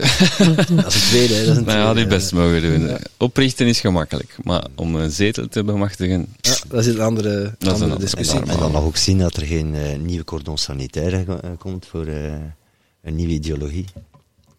Dat, dat ge... gebeurt ook regelmatig, ja. Mm -hmm. Maar ja, wij hebben bijvoorbeeld hier ons festival georganiseerd. Toen ik hier binnenkwam, wat mij opviel was, was die, die energie die hier hangt. Die, ja, mm-hmm. die mooie sfeer. Heel veel mooie ceremonies hoe, gehad. Hoe, ook, hoe hebben jullie dat voor elkaar gekregen? maar het, ik denk gewoon, de intentie is belangrijk. Gewoon doen. Ja. Um, dus de intentie mag niet geld zijn. Mm. Intentie hier is duidelijk voor de volgende generatie en voor de aarde is creëren dat voor de volgende generatie kan blijven duren. Want in onze ogen is lokale zelfvoorzienendheid de oplossing bij uitstek voor alle problemen. Voor alle problemen. Terug in communities, lokaal, uh, lokale economie, circulaire economie creëren. En dat je terug in je eigen voedselproductie in handen hebt. Want ja, wat zit er in de supermarkten? Dat is, dat is ja, dat, ziet er, dat is misschien wel lekker wat er in de supermarkt ligt, maar het meeste is niet echt gezond meer. Echt voedzaam, nee. En als alles in handen komt van multinationals en dergelijke. Hè. Dus als je lokaal bent voorzienend, wordt wij geëlimineerd plastic hè, om alles te conserveren, brandstof, conserveermiddelen, maar nog allemaal, dat je, dat je bespaart gewoon. Dus lokale voorzienendheid is de oplossing bij uitstek voor alle problemen, denk ik, in onze wereld. En daar moeten we echt op inzetten. En als we zien dat we na drie jaar en een half wat we weer al bereikt hebben, na drie jaar en een half, denk ik, als, als er een juist beleid is, dat je op vijf jaar tijd de ommezwaai kunt maken. Ook bijvoorbeeld op school, hè, meditatie. Op school, zo, dat is geen indoctrinatie, dat is gewoon technieken dat je leert om naar binnen te gaan.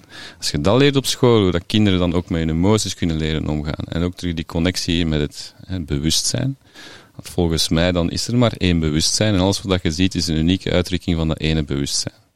En het is gewoon samen, hè, de dat we ons hebben opgesplitst. Bewustzijn heeft zich opgesplitst in alles en iedereen en alles wat je ziet.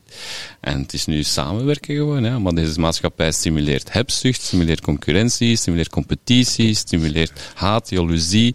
Het haalt het slechtste in de mens naar boven hier wat we weer hebben gecreëerd. En alleen die aan de top worden maar rijker en rijker en rijker en machtiger, maar daarvoor niet gelukkiger, denk ik.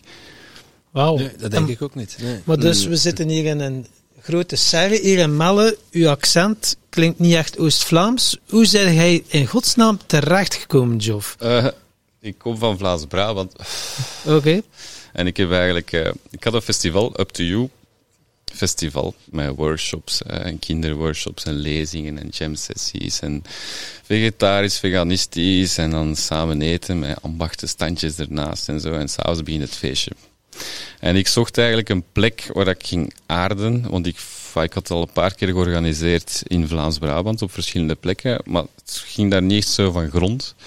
En dan had ik zoiets, oké, naar waar ga ik gaan? En dan kijk ik naar de andere vier Vlaamse provincies. Hè. Ga ik naar de Limburg gaan? Ga ik naar Antwerpen gaan? Oost- of West-Vlaanderen? En dan zag ik zo dat, dat rood bolletje, politiek geweest, hier Gent. En ik dacht, ja, ik ga naar daar gaan. En dan ben ik hier terechtgekomen. Ik heb eerst in Sint-Amansberg even gewoond. En dan dat seizoen heb ik vooral tenten gaan zetten. En ik dacht van ja, ik zal wel zien waar ik mijn stockageplaats ga vinden voor Up to You. En ik zal wel zien, als ik terug ben van Psy-Fi, zal ik wel iets vinden. En effectief, ik kom terug van Psy-Fi en uh, Cedric zei van ah, anders moest je bij Frederik gaan zien. Maar ik wist niet dat dat hier een ster was. Hij zei, ik zoek gewoon een opslagplaats. En ik kom hier toe en ik zie die sterren en dat was voor mij de, oh, what the fuck?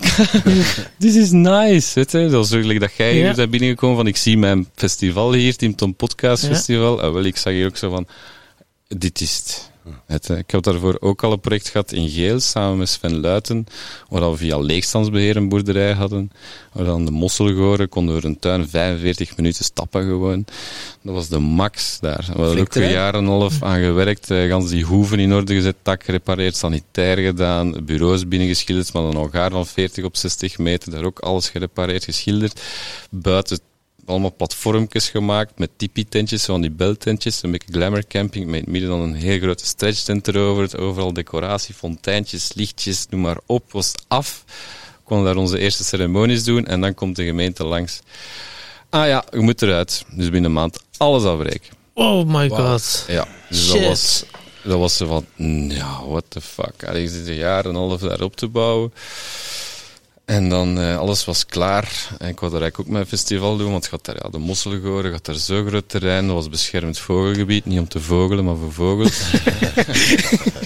en uh, dat was de max gewoon, ja. En dan in één keer de gemeente, was, was, uh, het was verkiezingen. En dan twee politiekers waren dat om mij om extra subsidies te krijgen. En ze hebben er uiteindelijk niks mee gedaan, gewoon de hoeven plat gesmeten. En dat zat er nog altijd leeg. Oh my shit. Dus ik had zoiets van leegstandsbeheer, dat ga ik niet meer doen.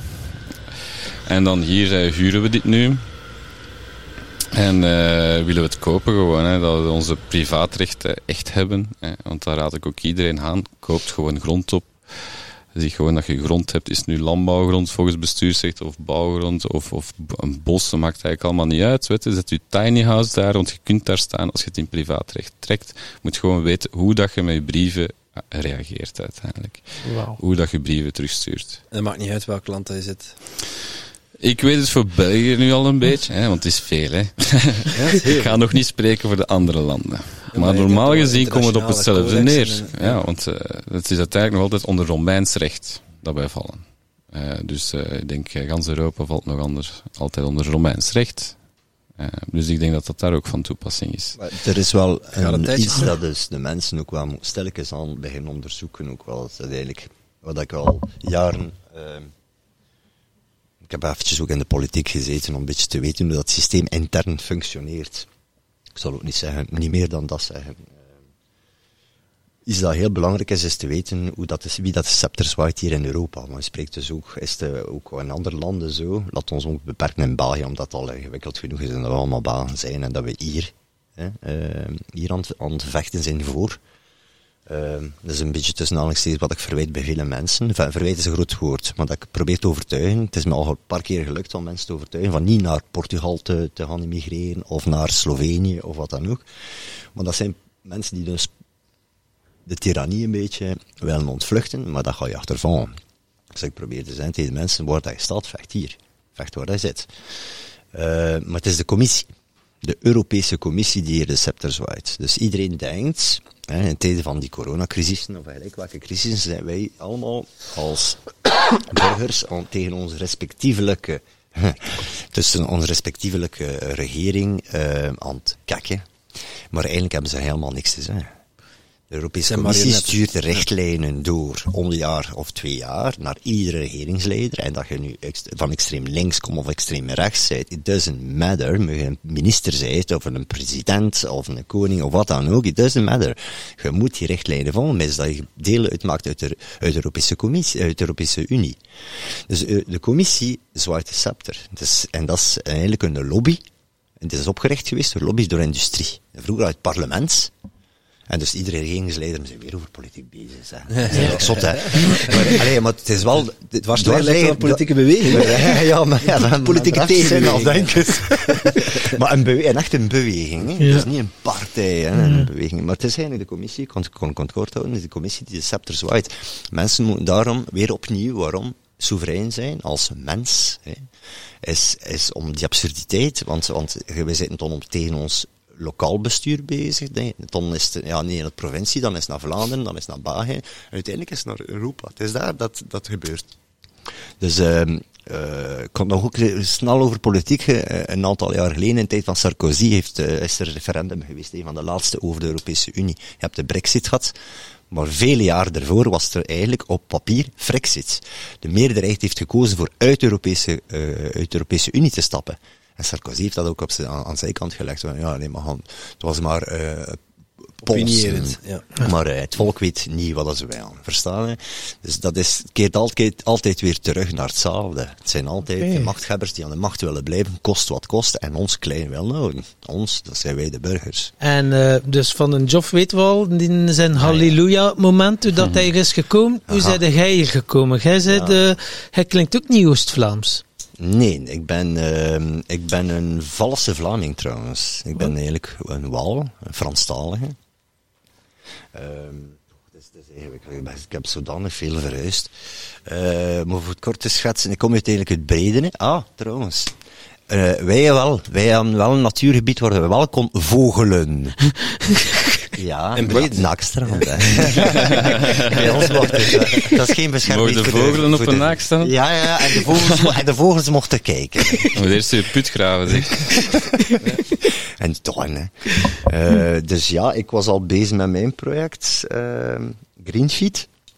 Mijn project is uh, van mijn eigen zaad uh, op permacultuur naar een afgewerkt uh, gerecht, om ook weer hetzelfde, wat wij hier wel hebben, is lokaal voorzien te zijn en, en te, distribueren, maar zo, zo kort mogelijk, dus geen tussenschakels, geen, geen verpakking, geen grote transport, geen koelcellen en toestand, dat is gewoon plukken en zo zaaien, laten groeien uiteraard, oogsten, en dan maak ik daar een gerechtje mee. En dat was Greenfeed, zo de, de, de korte keten, zo kort mogelijk. En ik, ik kon het dus niet korter maken. Ik was daar alleen. Uh, ik heb ook andere mensen leren kennen, waaronder Lieven, die ons ook uh, trouwens heeft geholpen om de bar hier te, te bouwen. Uh, heeft ons wat, wat steun gegeven hier. hij is ook iemand die idealistisch bezig is, die ook wel een betere wereld, die ook ziet hoe dat, dat valikant afloopt. En ik zocht eigenlijk een plaats waar ik een dak boven mijn hoofd had. Ik bedoel van uh, een serre. Ik, had, uh, ik heb even samenwerkt met de boerin uh, die me eruit gebonjourd heeft om dat stuk land weer te, te krijgen wanneer ik heel het jaar haar boerderij volledig opgekuist heeft.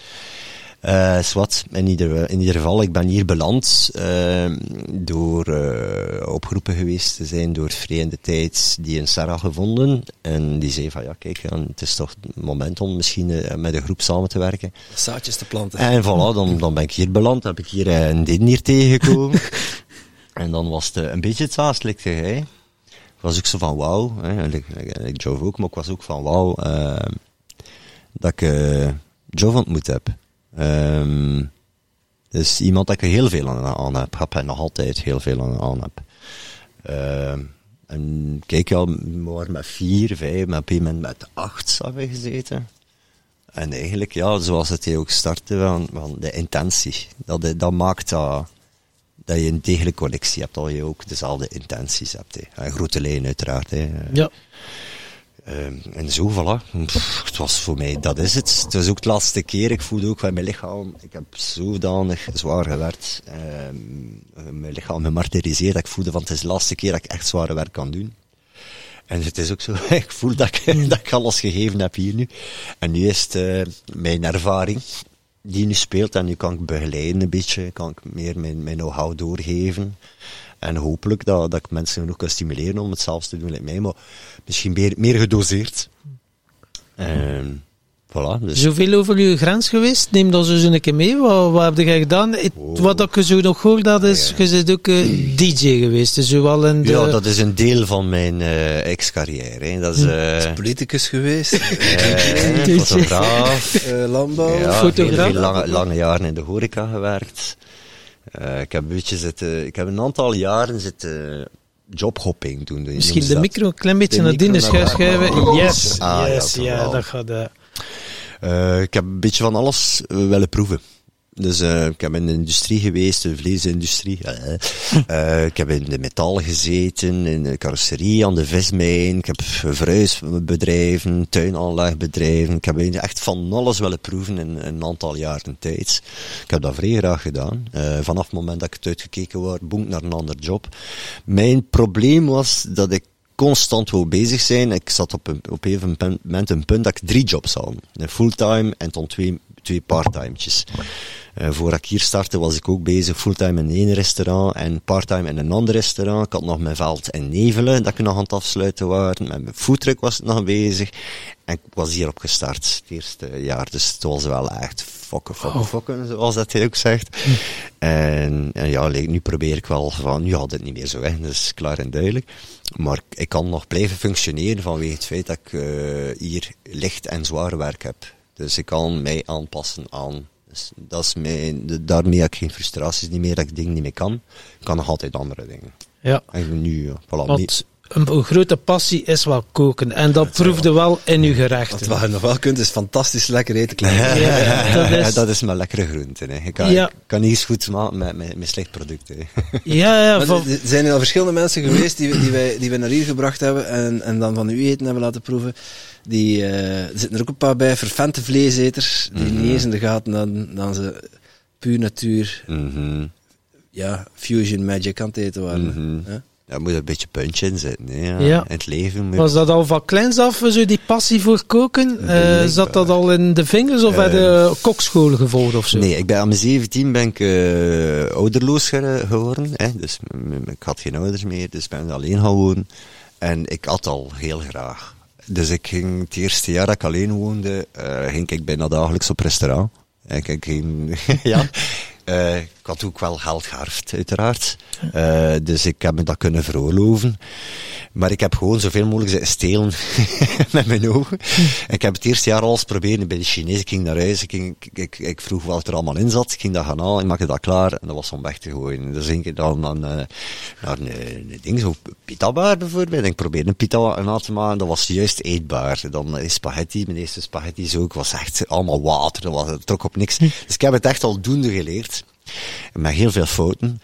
Maar ook weer passie, like dat gezegd, inderdaad. Uh, ja, eten vond ik zo wijs, is creatief. Dat is crea creatie. Uh, creatie. En, ik hou van wereldkeuken, ik hou van, van versatility, versatility, on dit ça? Le- Diversiteit. Diversiteit, ja, voilà, ja, dat is het Ja. probleem als je verschillende Ja, maar dat zie je ook terug in uw gerechten. hè. Als we hier zo'n workshop organiseren ook, je weet ons toch elke keer weer te verrassen en te imponeren. hè, met- Nice, En, en we krijgen ook dan die feedback, waar, ja, die, wie is die een kokmaat? En eh, ik zeg, ja, is een of andere zot, maar eh, die toch wel eh, goed kan koken. Maar het is gewoon fantastisch, omdat toch, eh, ja, het is mooi dat je dat echt wat proeft op je bord ook, eh, sowieso. Je moet gewoon ook leren deftige prijzen vragen. Ja, maar dat was, dat was ook met Greenfeed zo. Ehm, eh, dat was ook een beetje mijn schuld. Ik ben een vrij dia- eh, idealist op dat vlak. Ik geloof dat iedereen recht heeft op, op degelijke voeding. Ik blijf bij voeding, waarom? Ja, Iedereen heeft recht op, op, op, op eigenlijk degelijke medische verzorging, op degelijke eh, zorg in het algemeen. Hè, op, iedereen heeft recht, punt. Voeding is nu mijn dada. En ik, ik heb daar geen zin in om, om eten te maken voor mensen die met, met een Porsche of twee rijden en, en die kunnen zich alles veroorloven. Ik, ik zie dat niet nut van in. Ik haal daar geen, ik haal daar geen vreugde aan, van uit. Eh, ik vind veel leuker van iemand eten te kunnen voorzien die dat, die dat, die dat niet, misschien niet gewoon is of minder gewoon is. En dus ja, natuurlijk mijn prijszetting. Ik heb, ik heb een zo'n moeilijk, moeilijk iets met geld. Ehm, heb in mijn jonge jaren dus vroeg mijn ouders verloren. Ik heb heel veel geld geërfd. Ik heb strontongelukkig geweest. Voor mij, ik associeer dat helaas nog steeds. Ik heb die gesprekken al heel vaak gehad. maar het lukt me nog steeds niet om, om daar in treinen mee te komen momenteel. Nog altijd niet. Ik heb daar moeilijk mee. Ik kan me wel inbeelden, als je dan heel veel geld had, dat je dan ook heel veel vrienden had. Ik had heel veel vrienden. Ach, eh, let op, let op, let op. Ja, vrienden, eh zeggen, entre parenthèse. Mijn vrienden eh, die, Ja. die ik toen had, heb ik nog steeds. Oké. Nog steeds. Dus, Ah, dus ja. het is echt een vriendschap. Het is nooit van mijn vrienden nu die ooit geprofiteerd heeft van mij. Ah, ja. Ehm, ik heb dat ook, let op, ik heb dat ook, die, niet, niet veel mensen wisten dat ook. Hè. Ik heb dat ook niet, ik had toen om 19 jaar een café gestart, in, op de Vlasmarkt. En dat was de afspraak met, met twee compagnen dat ik, dat niet, ik was de cafébaas. Ik heb er heel duidelijk gevraagd, juist om dat tegen te houden, dat, ik, dat iedereen kwam slijmen. En, eh, want ik was maar 19 jaar in de wereld van muziek. En ik zat daar bij, Deus kwam daar over de vloer. En, en, en, en Danny Mommens met Vive la Fête. En, en andere groepen, eh, al de cafébaas die met muziek bezig waren. Ook op de Vlasmarkt met Kinky Star en zo. Ik zat daar als jong knaapje tussen. Dat was fantastisch. Maar ik wou niet, eh, allez, ik wou low profile houden. En ik denk dat jullie hier al lang genoeg zijn om te weten dat Klopt. dat wel eens soms een keer een grote bek of zo, maar ik kan me meestal een klein beetje Ja, achteruit zetten. en van waar is dat gekomen? Is dat na het verlies van uw ouders dat je dat eh, eh, de keuze gemaakt hebt om u zo niet... eh, Nee, ik heb dat altijd, nederigheid is bij ons wel altijd een heel belangrijk factor in de familie. Bij een familie aan mijn vaderskant is, iedereen is nederig. Allemaal heel, heel, heel harde werkers ook, dus ik heb het ook van familiaal, eh, ook gezien, mijn vader heeft tot zijn laatste dag gewerkt, echt zijn laatste dag. Misschien is dat allemaal daardoor dat ik niet kon stoppen met, met werken, hetzelfde willen doen. Ja, I know. mooi. Eh Joff, buiten dat zo wat allure zet van een advocaat, wat kun jij nog eens allemaal? Of eh, toch wel...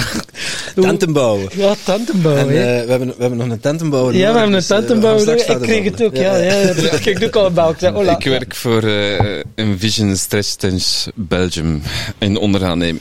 En dat is dus eh, meestal tijdens de zomer dat dat vol een bak is. Eh, dus dat. eh. Daarnaast eh luidgieter. Dat doe ik al van, eh, van toen dat ik eigenlijk gestopt ben met, met mijn leerkracht lager onderwijsopleiding. Zoveel buizen dat je dacht van, eh, ik ga loodgieter worden. nee, het ding was, wat, dat, wat mij enorm stoorde, was eigenlijk het eerste jaar is, is eigenlijk vrij vlot gegaan. Ook de stages gingen vrij vlot. Het is gewoon het tweede jaar kwamen al die lesvoorbereidingen daarbij en al dat papierwerk. En ik moest alles opschrijven en ik werd er zot van. Ik besefte toen van, ik ga hier meer papierwerk hebben dan dat ik voor de klas sta. En dat heeft mij toen als 19, 20-jarig manneke afgeschrokken. En ja, in de familie, mijn pa was luidgieter, mijn broer was luidgieter. Dan heb ik avondschool gevolgd bij Sintra voor luidgieter, cv en sanitair. En dan dat ook negen jaar gedaan. Dan eh, ontslagen geweest. Super gelukkig. Want ik had dan ik van, ah nee, ik moet mijn huis afbetalen. Maar dat was van, ja, nee, ik heb een uitkering, de max. Dus, eh dus dat was keigoed. En dat kwam dan keigoed uit, want ik had dan dus mijn, eh, mijn diploma niet behaald toen als lageronderwijs. Dus ik had dat nog niet. En er waren vier, vijf voorwaarden. Ik moest al drie jaar gewerkt hebben. Ehm, wat was het nog? Eh, nog een paar voorwaarden, waardoor ik dan eigenlijk terug ben gaan studeren. Voor de leerkracht eh, secundair onderwijs, Frans en zedeleer. En dan moest ik dat op drie jaar behalen ook, want anders was ik mijn uitkering kwijt. En dat is ook gelukt, met onderscheiding dan weliswaar. Ehm, dus dat is dan gelukt. En dan daarna, eh, tijdens, tijdens die opleiding, heb ik dan mijn Up to You festival begonnen. Heb ik ook eh, een opleiding gehad voor Tai Chi. Eh, al gaandeweg ook yoga geleerd. En eh, bij die opleiding Tai Chi zat ook Qigong. Dus dat geef ik hier ook lesjes, elke zondag bijna. Van 11 uur tot 12 uur 30. Met vrije bijdrage voor iedereen dat wilt afkomen. Het zijn losse sessies. En daarnaast geef ik dan ook eh, holistische massage met chakra healing. Ehm, en voor de rest ja, heb ik ook ondertussen een beetje schrijnwerkerij geleerd, elektriciteit geleerd. Alles Dus. Redelijk wat al, hè, maar je kunt ook niet alles doen. ik heb eigenlijk spijt dat ik geen permacultuur heb geleerd. Want ik vind dat eigenlijk iets dat ik als basis had moeten hebben op school. Dat Dat zo- je leren, hè. eh, ik kan het nog altijd leren, maar ik heb er voor het moment niet veel tijd voor. ik zit hier al de laatste jaar en Hij half, twee jaar al die regeltjes en die papieren, maar ik doe hier vier boekhoudingen. eh, dus dat is Je vrij doet de boekhouding zelf allemaal. Ja. Eh, ja, de vereenvoudigde boekhouding. Hè. Voor de VZ2 is het een vereenvoudigde boekhouding. Ondertussen begin ik ook wel te leren hoe dat de dubbele boekhouding in elkaar zit. Eh, want de ene keer als je het weet, welke nummertjes dat je moet invullen, dan weet je het natuurlijk. En dan daarnaast hier ook ja, secretariaat, hè, alle workshops regelen, alle mails, eh, social media. eh, dus dat is enorm veel werk, waarvoor dat we nu eindelijk wat nieuw volk hebben aangetrokken. Die ook de social jullie media... hebben toch heel veel leden? En eh, we hebben ondertussen een zeventiental vrijwilligers. ehm, en daarnaast ook nog drie, vier mensen die als toegetreden lid nu een vier maanden stage hebben om effectief lid te worden. Ah, Die trouwens, dan mee boekhouding gaan overnemen. er komt nog iemand, is kandidaat. Is er nog een kandidaat? Petra, zit volledig. Ah ja, voilà, voilà. Petra komt er ook bij. Dus eh, het begint een mooi jaar te worden uiteindelijk. Hè. Het is eh, nogal hard begonnen dit jaar, eh, met van alle strubbelingen. Maar eh, ik heb al heel veel tekenen gehad van abundance voor dit jaar.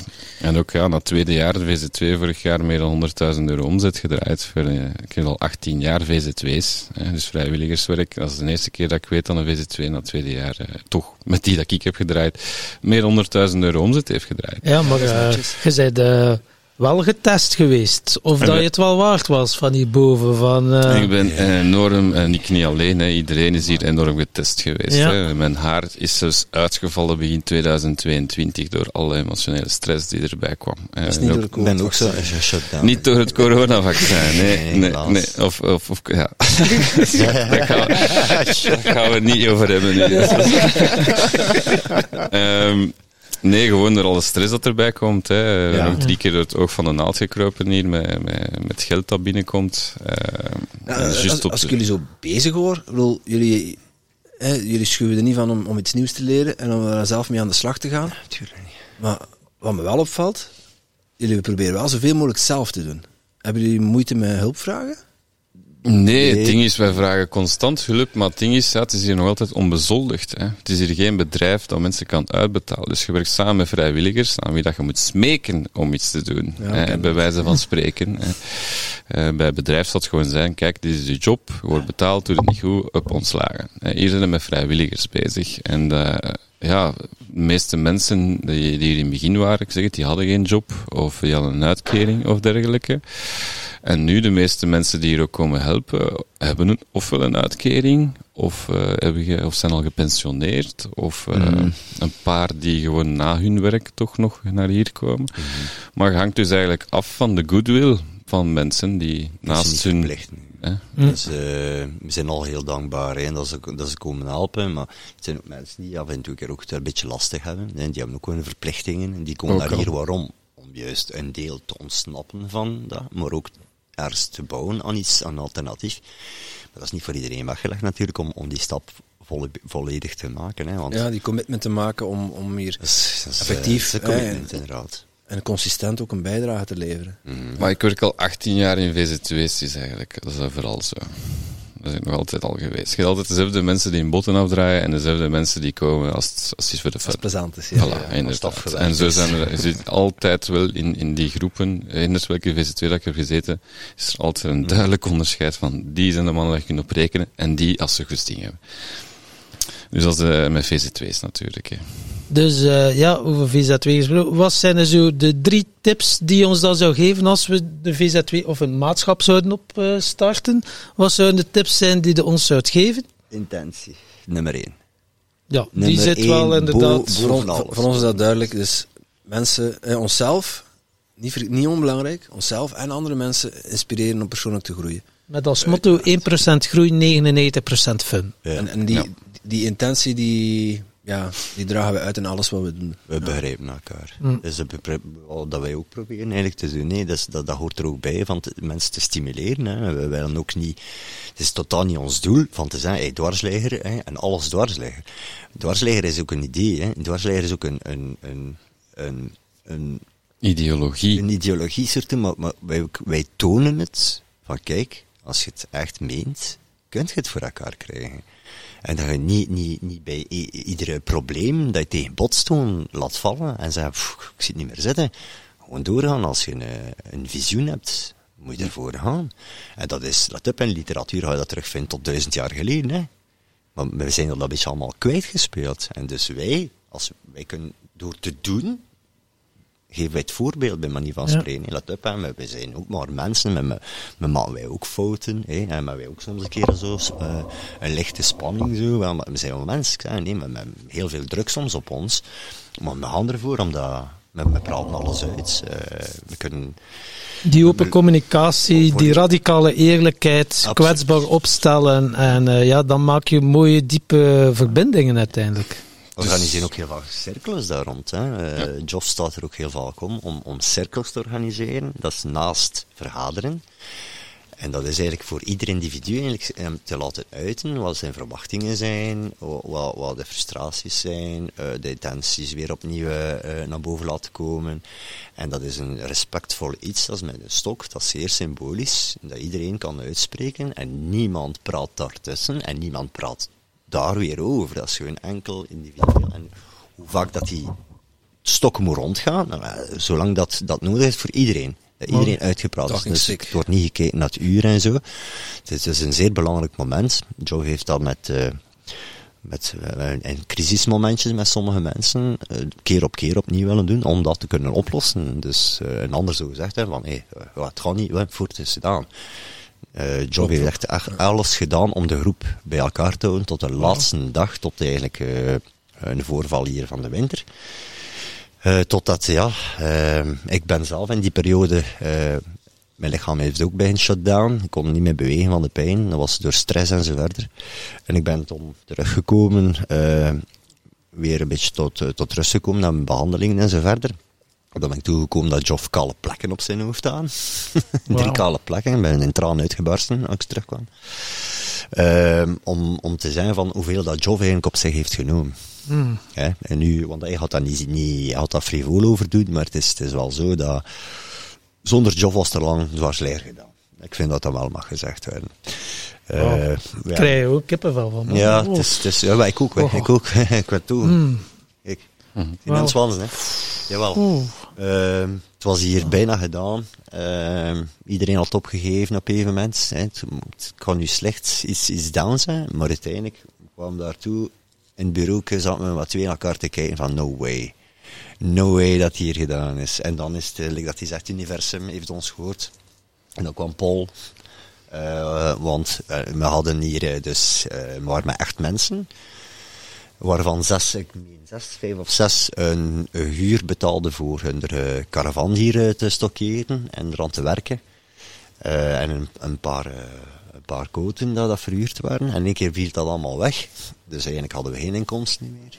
Eh kon de huurreising amper nog betalen. En dan is het uit de hemel zeiden van nee, gaan er toch, toch voorgaan. Alles, alles op alles zetten. En dan hebben ja, mensen kunnen optrommelen. Ik heb mijn nou netwerk opgeroepen van mijn DJ-periode. Dus ik had wel veel veel populariteit in de tijd. Ik heb het allemaal afgesloten wanneer ik stop ben met het nachtleven. Ik heb ze nu terug opgeroepen en dan hebben we heel veel leden bijgekregen. En dan Paul is toegekomen die ons een, een eh, bedrag heeft eh, ter beschikking gesteld in het geval dat we de huur niet meer konden betalen. En dat heeft ons eh, eh, de gelegenheid gegeven om te kunnen slapen s'nachts. Ah, want ruimte. waren tot drie uur, vier uur s'nachts alle dagen bezig. Mail sturen, mail sturen, nee, papierwerk, al, alles eh, proberen recht te trekken en recht te houden. Ehm, en dan is het stap voor stap is het, weer voortgedaan. Lieven is komen na- met de bar te bouwen. En dan is er nog iemand bij hem bijgekomen. En we hebben hem kunnen opbouwen. En we zijn, we hebben dat geld nooit niet moeten gebruiken. Gelukkig. En nu hebben jullie zelf een mooie buffer opgebouwd. En nu hebben we zelf eh, Ja. een mooie buffer op. Dus de- toen eigenlijk de hebben we toen nee, gedaan in Hele november. mooie omzet gedraaid vorig jaar. Vorig jaar hebben we een hele mooie omzet Het is, gedraaid. dus, dat is geen winst, hè, dus Nee, laat, nee, ons, laat ons duidelijk zijn.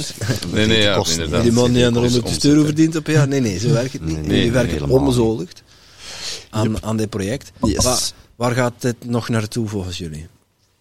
Maar is misschien eerst nog blijven bij de tips. Ja, ja, ja we, waren, we waren bij tip 1. Dat tip 1 nog altijd. bij de pinken, hè. Ehm, dus inderdaad, de intentie is belangrijk. Ook eh Kort samengevat. Ja. Ja, voilà, intentie is belangrijk. En dan goede afspraken maken, goede vrienden zou ik als tweede tip pakken. Eh, want uiteindelijk hebben wij hier nu een intern reglement, eh, naast de statuten.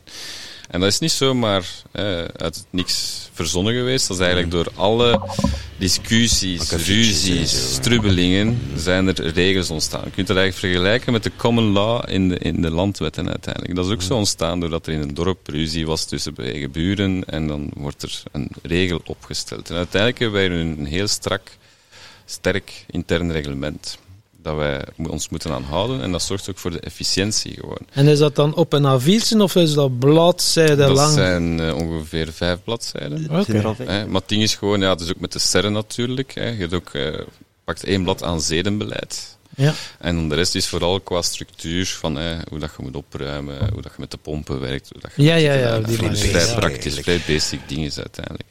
Dus dat is belangrijk. Derde tip is je papieren goed bijhouden. Het ding is nu bijvoorbeeld, hè, vroeger was dat na drie jaar als je boekhouding niet binnenlegt, als je kunnen ontbinden, nu is het al na een jaar. Dus ze zijn daar heel streng in geworden. Als je te laat bent met iets, zijn er direct boetes en dergelijke. Ze zijn daar niet mals om. Dus dat is een derde tip Ja, die dat moet geven, is je, is je papieren goed. En dan, ik heb nog meer tips eigenlijk, Hm. is ook ehm, een divers team hebben om een VZW op te starten. Hè. Want als, als je alleen maar boekhouder zit, dan gaat het niet veel kunnen. En zeker niet om zo'n project als dit. Moody begint heel hard te knikken. Ja, Dat is een feit. het is gelijk zo met elf Messi's of met elf Ronaldo's in uw ploeg gaat ook geen WK winnen. ben niet, hè. Weet je, ja. Elf Messi's misschien. Ja, Ze is een klein mannetje in de goal. zo'n klein mannetje van een meter 60. Ik denk, dat eh, ja. ik denk dat ze alles gaan winnen als dat van Messi is. Eh, maar dus dat ook, hè, een goed team. Hè. Dus Ja. iemand dat social media kan doen, iemand dat je site kan doen, iemand dat boekhouding kan doen, iemand dat de permacultuur kan doen, iemand dat de logistiek kan doen, iemand dat de promo kan doen, iemand dat de subsidies kan doen, iemand, dus een heel divers team gewoon. Iemand dat de vrijwilligers beheert. Dus er komt heel veel bij kijken eh, bij dit project. Eh, Maar ik zeg, het is nu wel een enorm project. Hè. Je hebt andere VZW's die gewoon af en toe iets organiseren en daarvoor geen locatie hebben. Maar als je een locatie hebt, echt eh, afspraken maken, goede vrienden. En het is ook belangrijk dat daaraan wordt gehouden, anders gaat het in het honderd lopen. Eh, als, eh, als, eh, als de kern zich niet houdt aan de afspraken, kun je ook niet gaan uiten naar de andere toegetreden leden om zich daaraan te houden. Dus dat is echt belangrijk, dat je daar een team in zet. One team, one family, Ja. uiteindelijk. Dat je staat. En ook discussies vermijden bij anderen. Dus alles intern houden gewoon, als er een discussie is. Dus daarmee ook die cirkels, zoals dat Moody zei, is ook heel belangrijk om eh, misschien wekelijks, tweewekelijks te doen, te voelen van hoe voelt je hier. En dan kun je ook apart houden van de vergaderingen. Vergadering is dan echt puur structuur en organisatie. Ja. En cirkels is dan voor van, en hoe voel je nu? hè, weet je? En af en toe is dat ook goed om te zien, want je kunt je frustreren aan iemand anders, maar als je dan in die cirkel zit en je hoort wat die persoon ook van emotionele ervaringen heeft op dit moment, dan kun je al rapper begrip opbrengen voor hij heeft zijn taak niet gedaan of hij heeft dit of dat niet gedaan. Ja. Dus dat is wel ook eh, belangrijk. Wauw. Ja. Ja, dat is iets wat wij ook belangrijk vinden. Mhm. Eigenlijk is dat, dat is bijna een logica, maar we, we denken daar niet meer aan. Dat, zeker als je, als je een vergadering organiseert of als je een, een, een project beheert, zoals jullie doen, Mhm. ja, even stil te staan bij hoe dat je voelt. En ook even een rondje te doen voordat je, voordat je met je hoofd allemaal dingen gaat op tafel leggen. Ja, dan komen woorden er op een bepaalde manier uit. Met een bepaalde emotie, achter, onderliggende emotie. Inderdaad. Als die niet uitgesproken wordt, we hebben het hier al genoeg meegemaakt dat er vergaderingen ontaarden in ruzies, Nee, omdat dat eh, niet apart wordt Een etterende wond, hè, uiteindelijk. Als je dat niet eh, uitspreekt, dan begint dat te etteren. En als het uitbarst, eh, is het... Als eh, de bom ontploft, ik heb er hier al een paar meegemaakt, een paar, ja. al genoeg meegemaakt. Dat is echt niet, niet, niet plezant. Eh, en als er dan ook nieuwe mensen bijkomen en er ontploft een bom, eh, die nieuwe mensen, die, die mensen lopen ook gewoon weg. eh. dus, eh, Mhm. dus dat is echt belangrijk ook. een mooie tips. Merci om, eh, om te delen, daar hebben wij ook veel aan. Eh, plezier. We hebben er voor bloed, zweet en tranen Ik hoop dat mijn haar niet gaat uitvallen. Haarverlies. En haarverlies. Het is echt, eh, we hebben echt afgezien. Hè. Het, deze, nu, deze project, als je hier binnenkomt, lijkt van wauw, hè, als je precies een roze bril op hebt. Maar eh, achter de schermen is hier heel veel miserie ook geweest. hè. Dus om zoiets uit de grond te stampen, Ja, wij, goede wij, kracht. wij mogen af en toe een kijkje nemen hier achter de schermen en, en ja, Mhm. Komt er redelijk wat bekijken. Nee, uiteraard. Maar ik ben blij nu met de mensen die er zijn bijgekomen. Nu. Mm. En er zit, eh, Ja, je voelt dat ook. Hè. Het was dan hier zo'n keer de verjaardag van mijn dochter en dan een keer dat breadwork dat we hier georganiseerd hebben. En dan zo wat die nieuwe vrijwilligers. Je voelt ook die En energie. 24 maart organiseren we hier een live podcast-event Ja, met eh, Peter en Greet. Mhm. 24 april. ja, klopt. Goed. Ja. Slash ik wil podcast. Zeg, Ja. wat, wat- Zeg ik heb, ik heb het nog niet gehoord. Timtompodcast.com slash ik wil podcast. Ah, oké. ja. Ja. Ja, dat duidelijk is. Hè. Ja. ja, maar het is echt wel... eh, Je kan een beetje spekken, hè? het is echt wel zot, wat mogelijkheden dan er hier ook zijn. En mensen die dus zoiets hebben van, ja, vrijwilliger, eh, wat, aan wat moet je voldoen hier om als vrijwilliger? Ja, je hebt het juist al gezien, ja, het is wel belangrijk dat je complementair, allee, ja, complementair bent. Iedereen heeft kwaliteit, iedereen heeft hier een talent natuurlijk. Er komt wel steeds mensen toe. Hè. Dus hebben we nu weer iemand. wel, dat is iemand dat ik ken van mijn vorige leven, eh, in, de, in het uitgangsleven, Ja. die nu ook iets aan zijn rug heeft. Eh, een elektricien, Bart. Eh, die eh, Dat is al een hele tijd. Dat is een voorwaarde als je hier wil komen werken. Hè? Ja, dat, dat, dat- ja, de vriendjespolitiek, hè, vriendjespolitiek. Ja, dat is hier de hij ook- een patiënt. Kom. Nee, maar dat is ook iemand... Ja, ja, ik zat ook aan te denken. Ja. Het is gewoon zeer laagdrempelig hier. Hè. Nee, wel. Gelijk wie, bijvoorbeeld ook zo eh, GTB-trajecten ja. gehad. Ja, sorry. Ah, nee, nee, ik, ging juist zeggen als voorbeeld. Dus, eh, de, de, de laatste die bij zijn gekomen is nu Bart. eh, en dus het is een elektricien. Dus een, voor ons is dat tof, met een technieker. Hè, dus wat, wat Joff zei ook aan de juist, hè, dus dat we een versatile groep hebben, hè, die een beetje van alle, al, alles weten en dat meer specifiekere job kan doen. Wat wij nu aan het verdelen zijn, nu vroeg van, eh, eh, kunt je moeilijk hulp vragen? Wij gaan op met de aanbod dat we hebben van, van, van, van vrijwilligers. Als er niet zijn, ja, dan moeten wij die taken aan ons twee verdelen. Eh, daarom dat we zo Ja, we herkennen, de situatie. Ze doen ook drie jaar lang hetzelfde. Ja. Voilà, voilà. Eh, alles zelf. Ja, mijn haar is er niet van uitgevallen, dat moet ik nog wel er er zeggen. nog eh, bijgekomen. we, hebben, we hebben ook een fantastisch team. Allee, we, zijn ook omringd door fantastische mensen die ons ondersteunen. En, Ja, eh, fantastisch. eh, Dat heb ik ik Voel, gezien, ik, voel het, ik voel wel, ja, we hebben geen fysiek eh, project neergezet. Hm. Alhoewel, festival mag je ook al fysiek project Ja, dat is toch wel. wel voor de eerste in keer. vorm te krijgen. Ja. Ja. En dat is straf. Wat ik merk bij ons, bij alles wat wij doen, dat lijkt zo vanzelf te gaan. en ja, vanzelf is relatief, hè. Eh, maar dat je, daar, dat je daar zo bij wijze van spreken bijna geen keuze in hebt, hoe dat de dingen lopen. En dat je dat ook voelt, als het zo begint te stromen, dan zo de juiste mensen op het juiste pad verschijnen, zich aandienen. Dat is hier ook gebeurd. Hier En-. Ja, Maar ik heb ook wel gezien, hoe- hoe in die drie jaar en een half hebben we dat ook gezien, dat in het begin eh, zaten wij allemaal met de neus in dezelfde richting. En dat was de manifestatiekracht echt tot in het kwadraat gewoon.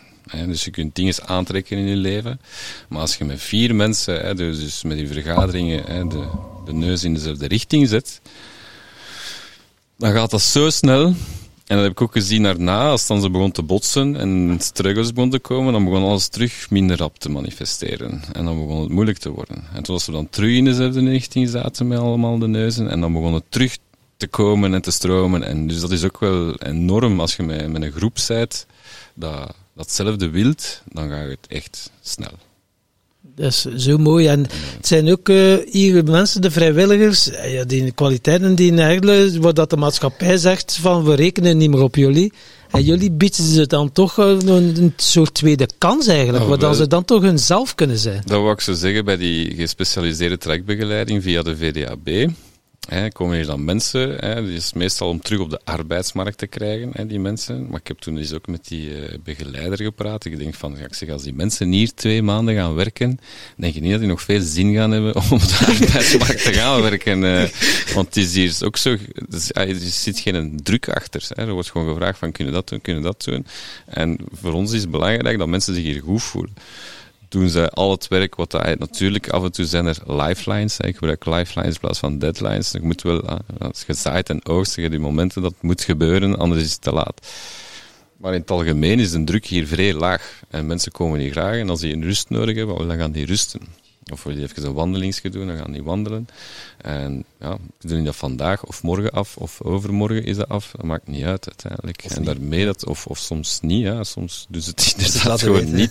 Niets laten weten. Maar daarvoor zijn er goede afspraken nodig. Hè. Mm. Maar dat is inderdaad zeer chill hier. Hè. En uiteindelijk kan het ook zo. Hè. In de toekomst denk ik dat het ook wel zo moet. Want als je ziet de druk dat er nu in de samenleving heerst, hoeveel burn-outs dat er zijn. Hè. Mijn broer die heeft ook zo voor Febelco gewerkt, hoeveel uh, antidepressiva dat er verspreid wordt in België. Dat is ongelooflijk gewoon met die druk van die samenleving hier. En veel mensen vallen uit een boot, of dan ze worden opgenomen in een instelling, worden daar dan gepamperd, hè, helemaal veilig. Oké, ze zijn terug klaar, ze hebben een medicatie gehad, en dan up worden ze terug in de samenleving gesmeren en die hervallen gewoon terug. Ja, dus, ja, dat is geen oplossing. Dat, dat is, een beetje een ding. Een pleister op de wonden, daar zijn wij goed in eigenlijk. Je wordt afhankelijk gemaakt van iets, van het systeem, en dan ja, zijn de hulpeloos, hè, op een manier. En, uh, maar als je echt eigenaarschap neemt en je zegt, zo, het is hier gedaan, ik stap uit de wachtkamer van mijn leven, ik ga terug aan het roer gaan staan, ja, dan kun je weer uw waardigheid terugkrijgen. En als mensen nu dan ook gaan zien en zo, hey, dank u wel en compliment geven en, en je kunt het ook gaan ontvangen. Ja, ik denk dat daar wel uh, ja, heel mooi... Er zijn mensen die die, die die kracht niet hebben vanuit hun eigen. Hè. Er zijn mensen die die kracht hebben om echt voor hun eigen op te staan. Ik ben ook drie keer depressief geweest in mijn leven. En ja, wat dat niet kapot maakt, maakt je sterker. Maar mhm. anderen gaan er effectief kapot aan. Hè. Klopt. En die kunnen niet voor hun eigen opstaan. En die hebben echt die steun nodig en dat duwtje in de rug nodig. En hier is dan wellicht wel een safe haven voor veel mensen, dat ze hier gewoon toe naartoe komen. Daarom dat het ook voor mij, en niet alleen voor mij belangrijk is, maar ook voor Moody, dat hier een goede energie heerst. Hè. Dus die discussies, daarom die discussies moeten intern blijven. Je gaat niet gaan beginnen roepen tegen elkaar als hier aan volk zit of dergelijke, want dan jagen die mensen weg. Die komen hier voor rust en je gaat dan zo'n stress mm. creëren, dat, dat, dat kan niet. Ja. En voor wat kunnen mensen hier dan terecht? VZW Dwarsligger, er wordt hier van alles georganiseerd.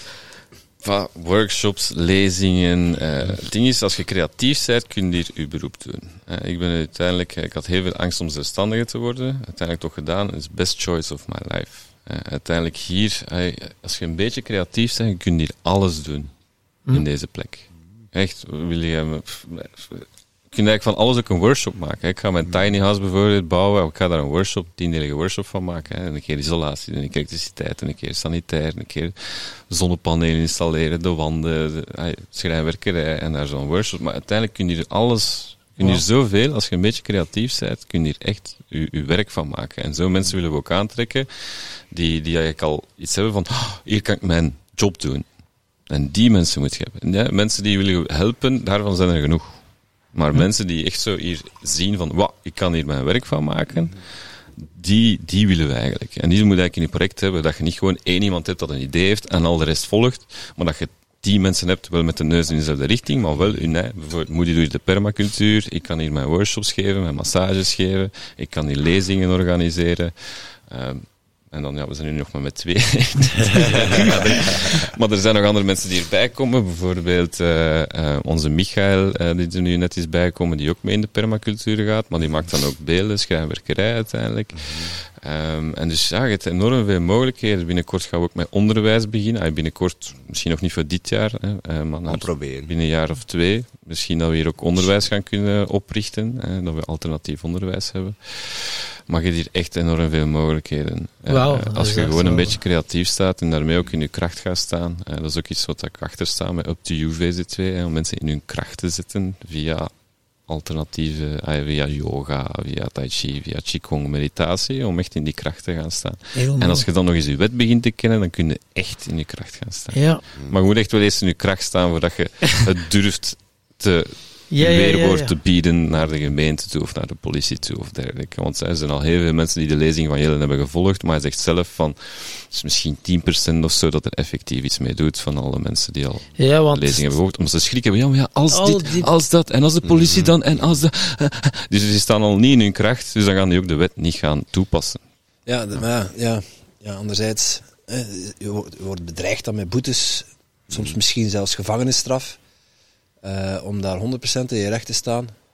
Daar eh, heb je wel kennis van zaken nodig Dat natuurlijk is, hè. dat is prima. Ah, wel. Kom eens naar de workshop van Jellen en leg het vrij simpel uit. Het is vijf, zes uur, die workshop. Maar na die workshop, hè, dat is ook mijn, eh, mijn, je krijgt daar een bundeltje bij, je ziet daar hoe dat je brieven moet terugsturen en dergelijke. Dus het is eigenlijk, en dankzij zijn workshop, is het echt wel vrij doenbaar. Haalbaar, ja. Ik ben het nu ook aan het doen. Ik heb eigenlijk geen keus. Hè. Ik zeg het, anders moet ik hier een helft afbreken, mag je drie vierde van activiteiten niet meer doorgaan. En dat zou het einde zijn van dwarsligger, want we zitten nog niet met onze permacultuur aan de productie en dat daar eigenlijk onze hoofdactiviteit van kan gemaakt worden. Want het is permacultuur en geen monocultuur. En monocultuur is zaaien, oogsten, geld verdienen. Permacultuur is zien dat je ja, een bos creëert met, Dat met permanente planten, met moederplanten. En dus daar heb je drie tot vijf jaar voor nodig om dat op te richten. Dus als wij nu zouden al die activiteiten moeten stopzetten van de gemeente en we zouden daarin meegaan in dat bestuursrecht, dan is het hier gedaan. Dus ik heb niet echt veel keuze uiteindelijk. Dus ik word eigenlijk gedwongen om, om dat toe te passen. Anders is het hier gedaan. Oh. En ik hoop dat wij hier ook een voorbeeld kunnen zijn, want als wij het hier gaan lukken, dan gaan veel mensen naar hier komen van, hoe doe jullie dat? En dan gaan wij het uitleggen. En dan kunnen die op andere plekken, hebben ze dan een landbouwgrond of bouwgrond, of maakt niet uit, dan kunnen ze daar ook hetzelfde doen. Mooi. En hopelijk kunnen we dan hè, de grondwet terug onder hun voeten schuiven, in plaats van dat ze dood zitten in het water. Ja. Oh, Dus dat, Ja. dat is mooi gezegd. Ja. Ja. Dat is wel mooi gezegd. Ja. Het is opgenomen, dus... eh, ik nog eens Dat je de jingle kunt je kunt er een keer achter elkaar afspelen. Ja, ja. Dus ik hoop echt dat we hier eh, ja, eh, samen met nog andere projecten hè, over gans Europa, gans de wereld, zijn er heel veel mensen die nu pionierswerk aan het doen zijn om mensen terug in hun kracht te zetten en dat we effectief naar die samenleving kunnen gaan waar dat er abundance is gewoon. Hè. Er is abundance. Hè. Het is eh, het, het, niet geld, maar het systeem achter het geld dat schaarste creëert. Hè. Schaarste in alles, terwijl dat er Absoluut. abundance is van alles. Hè. Eén zaadje creëert duizend zaadjes. weggesmeten. hè. Van, van productie van, van voeding wordt gewoon weggegooid. Hè. Wordt ver- vernietigd. Ja. Ook al. Het is gewoon, het systeem zit een beetje rot in elkaar. Ja, we zijn. Het zijn, zijn er maar erin een paar geboren, die het we voor zijn het erin zeggen gesmeten. hebben. Hè. En alle grote industrieën eigenlijk eh, macht erover hebben. Hè. Ik zei, we zeggen het regelmatig. Hè. De voedselindustrie maakt u ziek en de farmaceutische industrie houdt u Houdt u ziek. ziek. En eh, ja, zo simpel is het. Dat is een fantastisch verdienmodel. Ja, maar dat ze is heel, heel goed heel gezien, goed ja. gedaan. Hè. Heel goed Ja? gedaan. Dat Ja, hebben moesten slim. Chapeau, hè. Chapeau. Maar wijs, dat is iets anders. ja, Hey, jullie, jullie- jullie hebben een passie voor, voor dwarsliggen, maar ik zou graag nog eens wat- inzoomen op je andere passie, op die tai chi. Hoe, hoe is dat op je pad gekomen en, en, en wa- wat is tai chi? Leg, leg mij dat eerst eens uit. Want Wat is Tai Chi?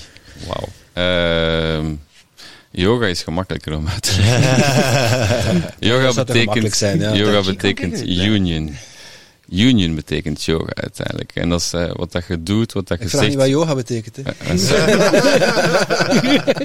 Tai Chi leunt daar aan. Hè. Ik heb eigenlijk de passieve vorm geleerd. Hè. Dus niet de actieve vorm met vechten. Hè. Dus Terwijl ik ben geen is vechter. meer de Het is een dan. vorm van Qigong 116 bewegingen Ja. dat je leert. En eh, waarbij dat je balans gebruikt, waarbij dat je je handjes juist moet zetten, je knieën juist, je heupen juist, je evenwicht juist. Waar dat je eerst je been uitsteekt en dan pas je gewicht gaat verplaatsen. Dus het is een heel gecontroleerde bewegingen van je lichaam. Waar, dat je, waar dat je, dat je meer in je, in je kracht gaat staan. Hè? Want je fysiek element hoort er ook bij. Dus je hebt je lichaam, je hebt je geest en je hebt dan je emoties er ook nog bij. En dan nog eens de spirit. Dus die dingen op één lijn krijgen. Zoals bij yoga, die union hè, is eigenlijk wat dat je doet, wat dat je zegt, wat dat je denkt en wat dat je voelt, op één lijn krijgt. Hè. Bijvoorbeeld, je kunt zeggen van, ah, ik wil, ah, je kunt denken, ik zou eigenlijk beter niet roken, maar je steekt toch één op. Mm. Dus dan zit er al een conflict. Oftewel nemen we daar vrede mee en genieten van je safke, oftewel stopt ermee. En dan zit het op één lijn. Dus het is dat op één lijn krijgen dat je moet hebben. Hè. Emotionele wilt je dit, maar dan uh, fysiek uh, doet je dat. Dus is dat eigenlijk dat u tegenhoudt om in je kracht te gaan staan. Want zolang dat die frictie daar is, hè, het is eigenlijk vooral die lagere chakras dat je eigenlijk op een, waar dat de problemen in zitten. Hè. Je laagste chakra heeft met overleven te maken. Tweede heeft te maken met relaties. En derde met je ego. En alle problemen in de wereld hebben veel te maken met je ego, met je relaties of met overleven. En de meeste mensen hebben daar ook problemen. Maar dat hoeft daarvoor niet emotioneel daarvan afhankelijk te zijn. Het kan zijn dat je bijvoorbeeld even niet, niet genoeg geld hebt om rond te komen. Maar als je daar emotioneel gaat van afzien, ja, dan, dan zijn het balans. Maar je kunt daarmee dealen en daar rustig bij blijven. Met je relaties. Hè. Probeer dat op te lossen of blijf daar rustig bij te blijven. Het is vooral dat. En als je die lagere chakras eh, via meditatie begint op een lijn te krijgen, dat je je eigen graag ziet voor wie dat je bent via je hart. Hè. Liefde in jezelf steken, liefde in de relatie steken en liefde in het leven. Hè. Geen angst voor de dood, maar liefde voor het leven. En dan gaat je keelchakra open, komt de wijsheid. En dan gaat je derde oog open en ziet je de wereld voor wat ze is, niet voor wat je denkt dat ze zou moeten zijn. En de laatste is eigenlijk een stap naartoe die komt als al de rest op een lijn zit. En dan is je connectie Okay. met het universum en dan begint alle synchroniciteit te komen, begint alles op zijn plaats te komen. Dat je in volle vertrouwen zit, want uiteindelijk moesten mensen weten hoe krachtig dat we zijn, zouden ze geen slecht ding meer denken. En eh, aan welke chakra zit jij nu momenteel? Eh, Zegt hij met zijn safken in zijn hand. ja, zegt hij met zijn safken in, want ik heb vrede gedaan begin met dat het safken.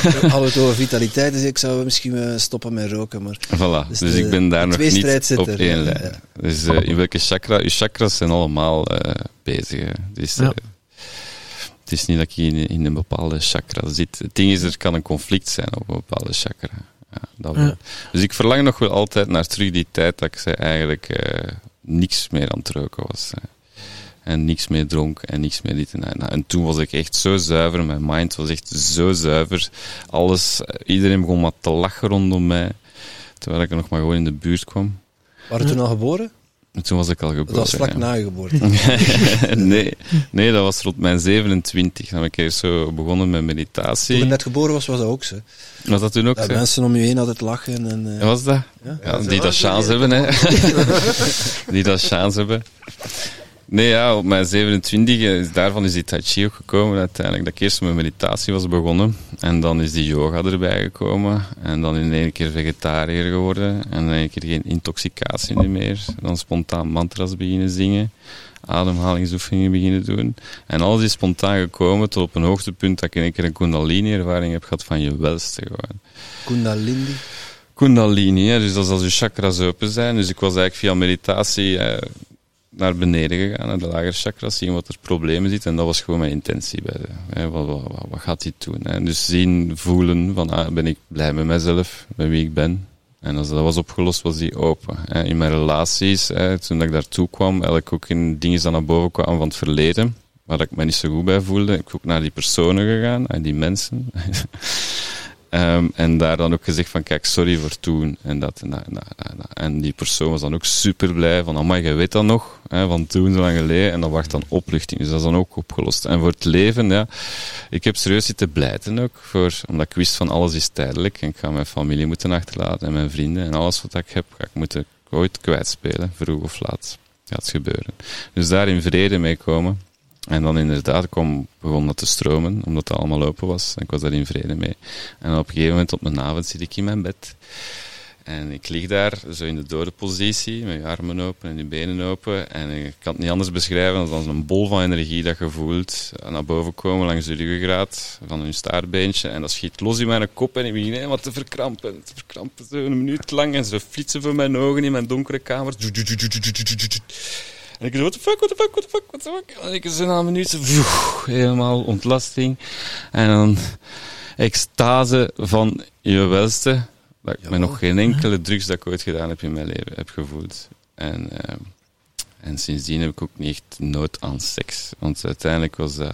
Voor seks, seks is voor de meeste mensen de hoogste genot. Voor mij is dat niet meer het hoogste genot. Voor mij is leven De seksuele energie was dat Ik kan nog altijd... Ja, de seksuele energie komt dan vrij natuurlijk. Maar seks op zich is... is kan er nog altijd van genieten. Dat is dat niet. Ja. maar dat is niet noodzakelijk. En ik ben gewoon blij om hier te zijn. Ongeacht dat die laatste drie jaar en een half veel energie hebben gekost hier. Want ik ben nu al drie jaar op droog? zeven op zeven. Nee. om eerlijk te zijn, nee. Ehm, maar ik voel wel dat ik terug nu even nood heb aan vakantie. Ja, Eh, want dat geloof begint, ik. begint eh, Het door is te wel een vakantieparadijs. Ah, Ik, ja. zie, ik zie hier alleen maar het werk. Het is Eh, wel ja, meer dan, dan een vakantie. Hè. Ik zie hier het werk. Ik, in het begin dacht ik van misschien zou ik hier wonen. En nu weet ik dat ik hier niet wil wonen, omdat ik hier werk. Ik werk hier. Ik zie hier altijd werk. Ik loop Ja, hier rond, ja, ik zie het werk. Ik heb dat in mijn huis. Ja, je hebt dat in je huis, Ja, ja, met de in nieuwe kindjes. huis is altijd nog, nog, nog van alles te doen, dus Hm. ik zie ook alleen maar werken. Ja, maar bij mij is dat hier. Maar dat is wel leuk, hè. want je hebt eh, zo'n een, eh, work in progress constant. Ja, ja zeker. En dat je altijd zo, ah, kan ik deze jaar ga ik dat weer afwerken. Ik wou net zeggen, ik wil zoveel mogelijk zelf doen, maar er dan een nieuw huis dat er ook bezieling in zit. Juist. Vanaf, vanaf, de, vanaf fundament, ik heb niet zelf mijn fundament gegoten, maar wel zelf de eh, project ontwikkeld eigenlijk. Mhm. Mhm. En, en ja, ik vind dat je dat merkt.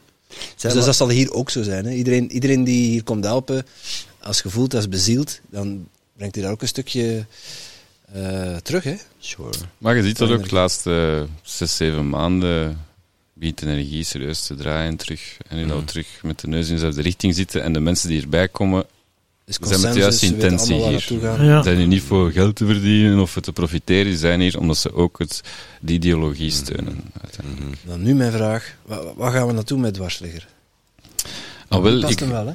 Ik hoop, ik hoop hè, dat we, aangezien dat we nu met, met iemand eh, contact hebben uit Italië, die ook met bankinvestors bezig is, dat we uiteindelijk misschien een internationale VZ2 worden. En dat we eigenlijk eh, overal dwarslichtprojectjes gaan Spread oprichten. Ehm, Spread love, dat hoort erbij natuurlijk. Maar lokale zelfvoorzienendheid, dat, Dus dat gedachtegoed echt wel eh, dat.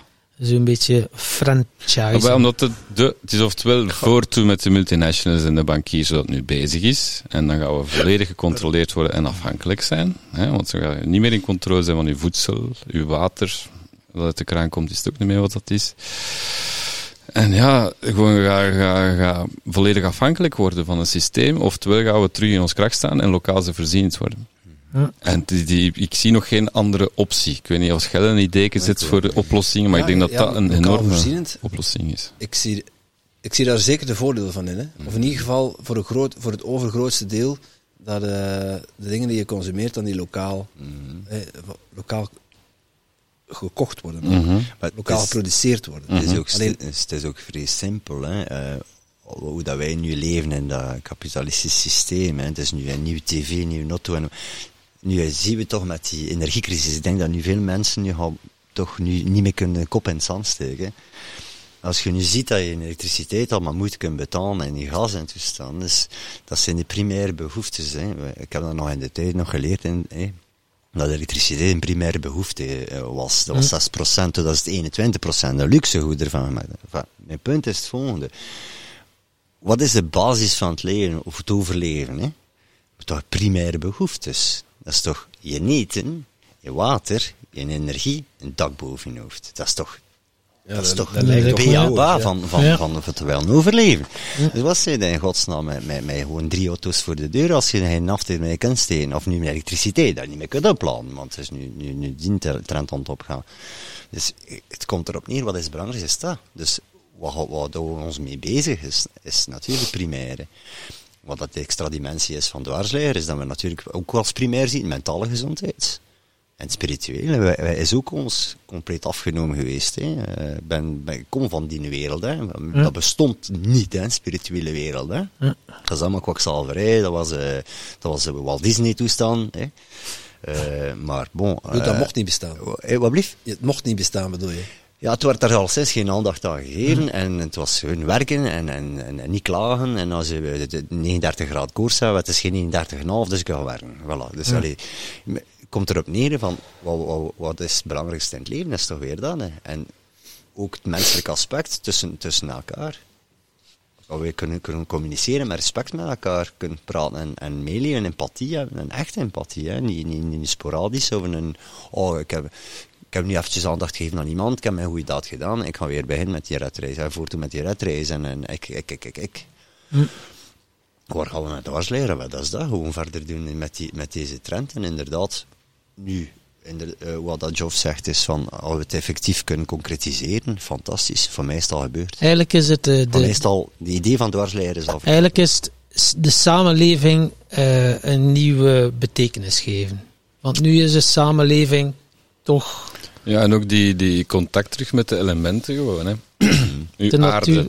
Ja. Aarde, water, vuur en lucht. hè. Als je kijkt, aarde, sinds dat wij schoenen hebben met plastieke zolen, hebben wij geen aardingen meer. En wij moeten aarden. Als wij dagelijks een half uur zouden aarden met ons platte voet en met ons blote voeten op de aarde, zouden er bijna geen ziektes meer zijn al. Uw water dat uit de kraan komt, is vervuild. Is niet meer zo gezond. Je gaat er niet direct iets van merken als je van de kraan drinkt, maar je gaat er ook niet vitaliserend van worden. hè. Ja, zit Uw lucht in de steden is vervuild. Hè, dus er is te weinig groen in de steden. Dat ook al. Vuurke stoken in de nof mag ook al bijna niet meer. Dus uw contact met vuurelement is ook bijna weg. En dan nog eens de ether dat volledig verkracht wordt door godsdiensten. Hè, de spiritualiteit wordt verkracht door godsdiensten. Is dogmatisch. Spiritualiteit is geen dogma. Dus die dingen terugkrijgen. Via Up to You dan, via mij VZ2, maar dan ook via die lokale samenhechting gewoon. Hè. Dus een communities creëren waar dat je terug hè, je buur kent en dat je mee samen zit en dat je misschien hè, een keer iets deelt van eten en dergelijke.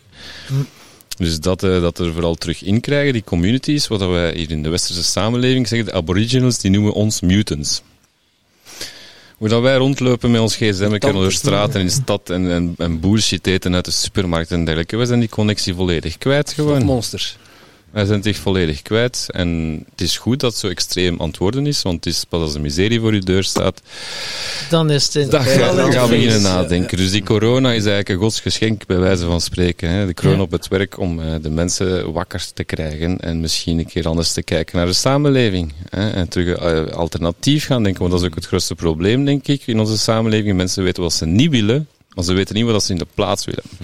Ze weten wat ze willen kapot maken, maar als je dit nu kapot maakt, wat er nu bestaat, dan gaat er nog meer miserie hebben. gaat nog erger zijn dan dat nu is, want er is eigenlijk al een structuur. Maar als je niet weet wat je in de plaats wilt, hè, en dat is wat dat wij weten, wij weten wat dat we in de plaats willen, is Ja. lokale voorzienendheid. En dat is een oplossing. Hè. En als je daarop focust, op hetgeen wat dat je wel wilt, hè, voor iets zijn in plaats van tegen iets zijn, Ja. want ze zijn bijna altijd tegen iets. Tegen aids, tegen kanker, tegen oorlog, tegen dit, tegen dat, tegen, tegen, tegen, tegen. Moet voor iets zijn. Ja. Maar Daar in de plaats? En daarmee dat we misschien grondlegger gaan worden. hè. In plaats van dwarsligger. Omdat ja, misschien, onze site zal misschien wel blijven bestaan, dwarsligger33.com. En onze, de slagzin van zonder dwarsliggers geen spoor dus is, is ook heel positief. Maar inderdaad, VZ2 grondlegger. Hè, om terug die grond te leggen onder iedereen zijn voeten en iedereen te inspireren om hetzelfde te doen. Dat is hetgeen wat dat wij gaan proberen Ja, uit te dragen. is ook, is ook een beelde onder een spoorrail. Hè. Alblieft?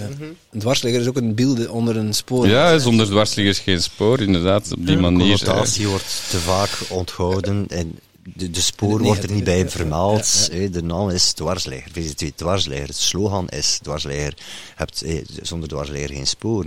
Maar blijft... Het, is ludiek, sommige mensen... Die, ik zeg altijd, het heeft te maken een beetje met je eigen gesteldheid. Hè, hoe dat je naar de wereld kijkt. Hoe, dat je, hoe dat het interpreteert. Maar het blijft toch wel eh, een signaal dat misschien concreter is, grondlegger is eigenlijk. Ik vind dat het eigenlijk wel nog beter klinkt. Klinkt, het klinkt positiever Ja. alleszins. Ongeacht ja, dwarsligger is gewoon iemand dat kritisch is, nadenkt en, en vragen stelt. Hè. Wat heel belangrijk is. Hè. En dat is heel belangrijk, Ja. want de meeste mensen doen dat niet meer.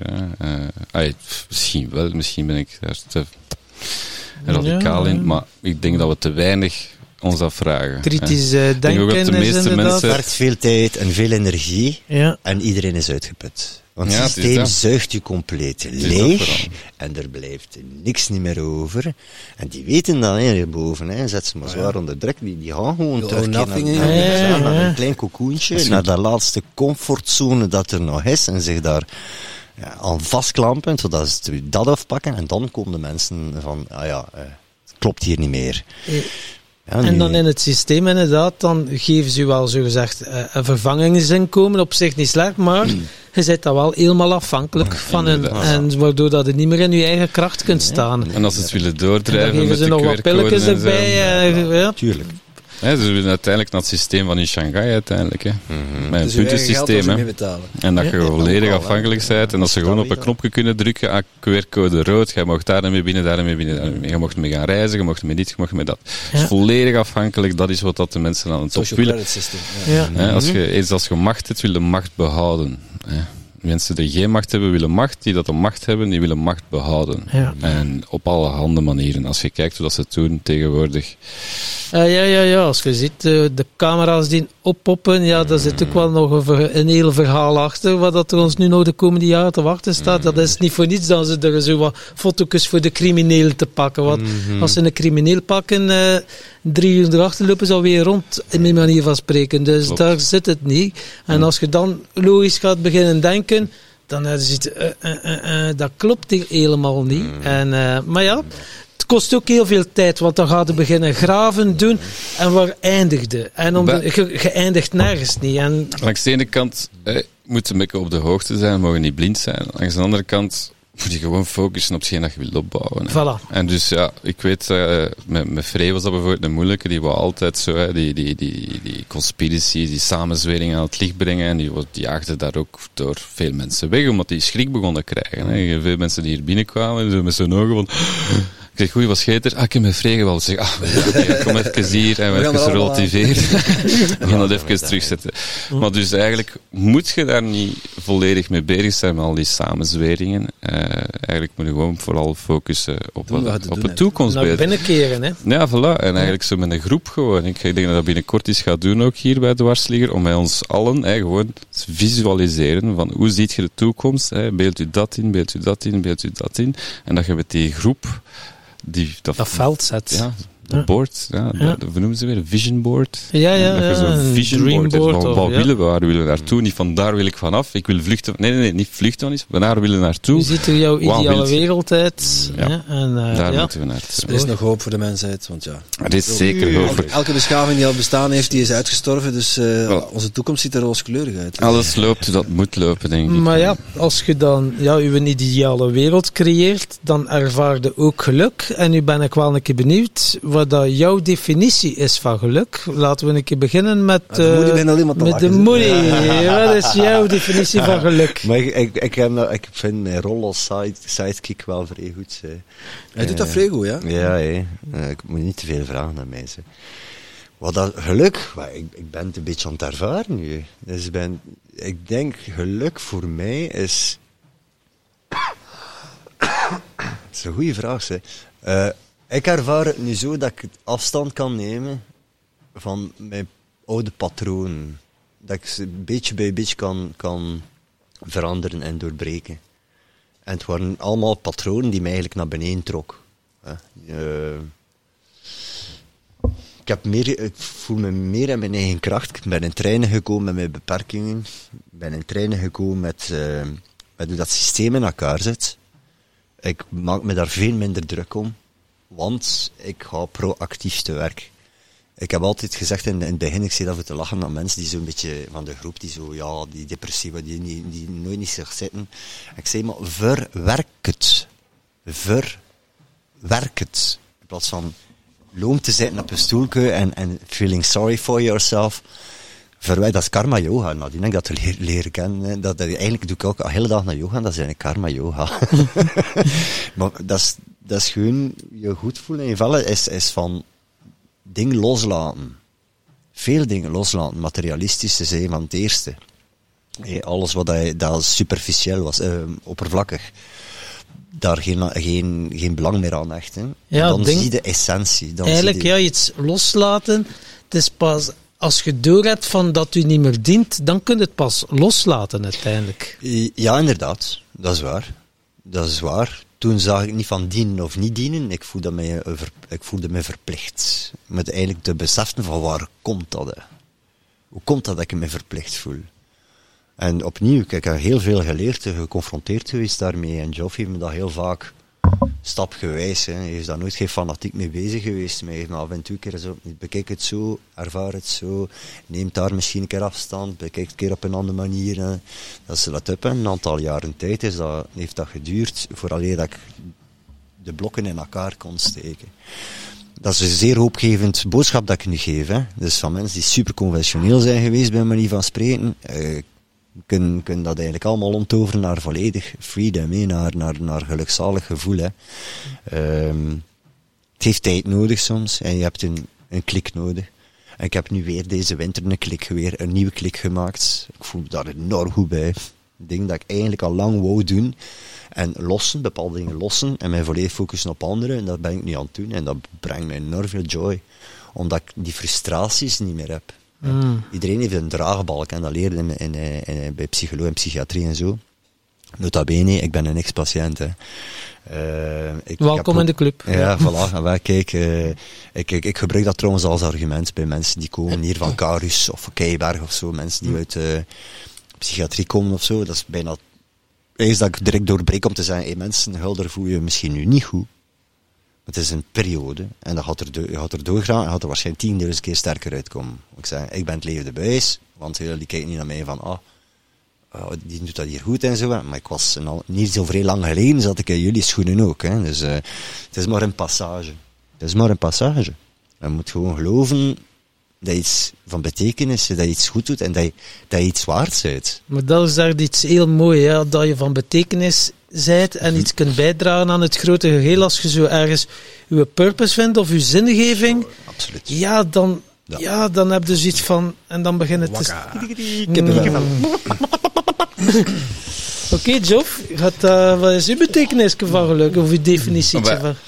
Alleszins laat je geluk niet afhangen van iets of iemand buiten jezelf. Mhm. Hè, Als je geluk afhangt van een plaats of, eh, of een bepaald patroon of dergelijke, dan gaat het altijd tijdelijk geluk zijn. Het enige permanente geluk dat je kunt vinden is in jezelf. En dan is al de rest is dat je gelukkiger kan maken. Maar als je geluk afhangt van iets of iemand buiten jezelf, dan zal het altijd tijdelijk zijn. Mooi. Dus als je het niet in jezelf vindt, dan gaat het nergens vinden. Het kan wel een keer helpen om een keer op vakantie te gaan en rust te vinden in een bos of aan een strand of dergelijke. Maar daarna moet het ook terugkeren. en dan zit je hier terug in je patroontjes shit, dat je misschien niet graag hebt. En het moeilijkste voor de mens is de eigen patronen doorbreken. Dus als je je eigen patronen kunt doorbreken, hè, als je eigenlijk al je voeding en dergelijke kunt controleren, dan kun je eigenlijk alles controleren. Als je gewoon in voeding kunt letten op je voeding en op bepaalde tijdstippen eten of niet eten, volgens wat dat jij vindt dat goed is, dan kun je eigenlijk alles. Ja, heel mooi. En eh, ja, geluk en succes gaan zo'n beetje hand in hand. Eh, ja, misschien Joff, wat is jouw definitie van succes? Oh wel, ik, dan moet ik denken aan Rama. Ken Rama? Hè, van. Hare Krishna, Hare Krishna, Hare Rama, Hare Rama. Rama is eigenlijk iemand dat vereerd wordt in het hindoeïsme. Maar die is eigenlijk totaal niet succesvol geweest. Die heeft zijn koninkrijk verloren. Is moeten vluchten met zijn vrouw in een jungle dat zwanger was. Tegen zijn zonen moeten vechten. Zijn vrouw verloren in de jungle met zijn met kind erbij. En waarom dat hij vereerd wordt, is omdat hij altijd rustig bleef. Omdat hij gewoon keek naar de situatie. Van, ah, oké, dit is de situatie. Dit is de logische stap dat ik nu moet volgen. Dus succes streef niet naar succes. Hè. Blijf gewoon bij je intentie. En als, en als eh, datgene wat dat jij doet, als dat de samenleving dan nodig heeft, zoals dwarsligger ook, hè, als de samenleving dwarsligger nodig heeft, dan zal het geld wel naar hier vloeien. En succes, eh, ik denk de, de meest succesvolle bedrijven zullen die zijn die bij hun intentie blijven en niet in één keer worden afgeleid door het geld dat erbij komt. Dus blijf bij je intentie. En als dat iets is wat dat de samenleving nodig heeft, dan zal het succes wel volgen. Mooi man. Prachtig. Wauw. Ja, ja, Moody? Gaat daar maar eens over. Oh, voor mij eh, twee of drie auto's op de oprit. Welk merk? Welk merk? Welk merk en welke kleur? Oh, minimum een zwembad. Maar het moet daarvoor geen Olympische zijn. Maar moet niet overdrijven. Demagogie is niet aan mij weggelegd. Nee, succes, ik weet het niet. Ehm, wel, die argument dat ik nu uh, ludiek aan, aanhaal. eh, succes eh, associeer ik te veel met het aanzien van anderen. Ik denk, suc- succes is, is- eh, dat denk ik niet aan. Succes is, nee. voor mij succes is, is gelukkig zijn. Hm. Dat, Ja. hè. Ja. Want ja, succes, succes is, dat is like precies dat, dat moet komen uit erkenning van anderen. En dat hoeft voor mij niet. Allee, ik wil zeggen, ja, versta je? Eh, Als ze mij graag zien, als ze mij, mij, mij lief hebben, is, is dat voor mij succes. Voilà. Maar niet voor wat dat je doet of, of, of, of wat Ja. je hebt en wat je bereikt hebt. Zo. En als iemand dan zo zegt, hé moedie man, wat jij hier hebt klaargemaakt, dat was fantastisch. Kun je dat echt ontvangen of, hadden ze, of gaat het dat wel. zo minimaliseren? Eh, zo? begin Oh, dat. ja, weet je. Begin dat, het, was, het is nog altijd zo van, kan, allee, niet te veel, hè, een beetje, dan, dan kan ik dat wel accepteren nu. Dus dat zijn ook die stappen dat ik zeg van, een Ja. dat heel moeilijk Dus wij aanvaarden. overdrijven ermee. eh. Zeer kritisch over mijn, mijn werk altijd. altijd. Ik dacht dat ik het nooit niet goed genoeg gedaan had. Zo. Maar nu wel. Oké. Nee, meer hè. Meer. Meer. Wij kunnen in ieder geval wel genieten van uw werk. meer, Dus, ja. meer. Nee, maar het is wel. Ik ben, ben er ook Minder. al aan het werken. Ja, ja, Meer en meer te accepteren. Zo. Mooi. Het is aan het lukken. Het is aan het Maar je vraagt ook niet achter erkenning. hè. Erkenning is iets dat je krijgt. Hè. Voilà. Ja. Ja, je gaat er niet achter vragen. Die herkenning, waardering. Maar gaan lopen met de pluim van iemand anders, Ja. daar kan ik het van mijn heupen krijgen. Karma is a bitch. Ja, dat zal wel zijn. Karma Als, is... als, als mensen I eh, love karma. geïntrigeerd zijn door jullie project en jullie willen steunen, of eh, gewoon lid willen worden en deel willen uitmaken van eh, jullie nieuw gecreëerde maatschappij. Maar eigenlijk, mensen weten nog niet. Het zijn, ik weet niet veel luisteraars, zeker van jullie luisteraars, die eigenlijk dwarsleggers zijn, maar ze weten nog niet. Hoe kunnen ze daar zich daar bewust van worden dat ze dwarsligger zijn? En wel, als ze al naar jullie luisteren, gaan ze al een deel van dwars of ligger hebben. Zal ik maar zeggen. Nee, maar eh, volgens mij mensen die, die de moeite doen om een keer te luisteren naar, mensen, met naar andere mensen die aan het praten zijn, communiceren en niet die klakkeloos iets willen verkopen. Eh versta je? Met, met, met iets achter. Ja. je bent al bezig, je bent al bewuster. Als je gewoon een beetje bewust bent, begint bewust te worden van hoe dat leven in elkaar zit, kijk dan naar je eigen leven, naar je eigen omgeving, moet niet ver gaan zoeken, hadden wel ergens, ergens ruikt een beetje naar de piste zo. Ja, hè? Het stinkt het. Hè. En, en voilà, dat is op zijn West-Vlaams, excuseer me. Ik zal weer terug Nederlands praten. Ehm, ik denk dat als je, als je voelt van het systeem klopt niet, ik ben dingen aan het doen tegen mijn zin, dat ook geen steek houden, dat is al een zeer goede start. Dan zijn we een dwarsligger. Dat is al Ja. een dwarsligger. En om dwarsligger te zijn, eigenlijk, ja, is het eh, ja, belachelijk, voor een belachelijke prijs van 33 euro ben je al een gans jaar een dwarsligger. Maar wel, dat zou eigenlijk wel goed zijn, want met hoe meer volk dat we zijn, hoe meer voet aan wal dat we Ja. hebben uiteindelijk. Inderdaad. En hoe groter, Dus- uiteindelijk hebben we hier al een goede basis hier bij de Warsligger. En zijn er heel veel mensen die al naar hier komen voor informatie te bekomen. Ook van hoe je dat hier opgestart en hoe doe je dat met die omgevingsvergunningen en bla bla bla bla bla. En we hebben nu eigenlijk al een hele goede basis en we staan al zo goed als recht in onze schoenen. Dus eh, als je ons wilt steunen, kun je altijd lid worden. En dan, hè, we zijn toch ook onbezoldigd. Wij zijn ook lid. Ja, we- Eh, team. en het gaat niet in onze zakken, het gaat terug in het project en het doel van Dwarsligger. Dus met, eh, als we op een duur zoveel geld hebben, dan kunnen we ook terug andere projecten gaan steunen en financieren met hetzelfde doel. Dus ja, dat- en dat je kan. krijgt dan ook nog een veelvoud terug. Buiten mooie vriendschappen, fantastische mooie babbels, Daarvoor krijg je ook het. heel veel korting eigenlijk op eh, lezingen en workshops die niet worden Ah, gegeven. wel, vroeger was het met kortingen voor leden en niet Niet leden. hè, leden. Maar sinds dat we de hoofdcommissaris en de wijkagent over de vloer hebben gehad, moeten we alles privé houden. Dus het is gewoon als lid kun je meedoen en eh, de Oké, gebruik ja, ja, maken van de faciliteiten. Kun je hier eens een boekje lezen uit onze bibliotheek. Kun je een keer aan ons strand zitten van Melle, want het is het enige strand, strand van Melle. Dat is het op strand. Eh, kunt je meehelpen eventueel aan het voedselbos. eh je kunt hier ja, zelf je verjaardagsfeestje doen, je trouwfeest. Je kunt hier workshops organiseren aan zeer democratische prijzen. Als ik kijk naar de prijzen, hè, bijvoorbeeld eh, over het laatst kwam hier iemand langs voor een trouw. De goedkoopste zaal dat ze had gevonden was 1800 euro voor een zaaltje. En wij vragen hier 525 euro voor gans complex af te huren. We gaan een beetje omhoog gaan met de indexering nu, maar het was eigenlijk tot nog toe 525 euro voor een dag hier alles af te huren, wat dat geen geld is. Dus we proberen alles zo laag mogelijk te Ja, een houden. workshopruimte bijvoorbeeld, om dan toch, eh, nu dan toch met prijs mee zijn, is, eh, voor nog geen 100 euro euro kan je ook al eh, een Ah, wel. dag eh, je dingen doen. Ja, ik heb dat per uur, per halve dag. Ja. Dat 25 euro per uur in de week tot 75 euro voor 6 uur en 30 euro in het weekend tot 90 euro voor 6 Ja. uur. Dus dat is eigenlijk zeer democratisch. En er meer en meer mensen beginnen ons te ontdekken en we krijgen ook enorm veel boekingen binnen.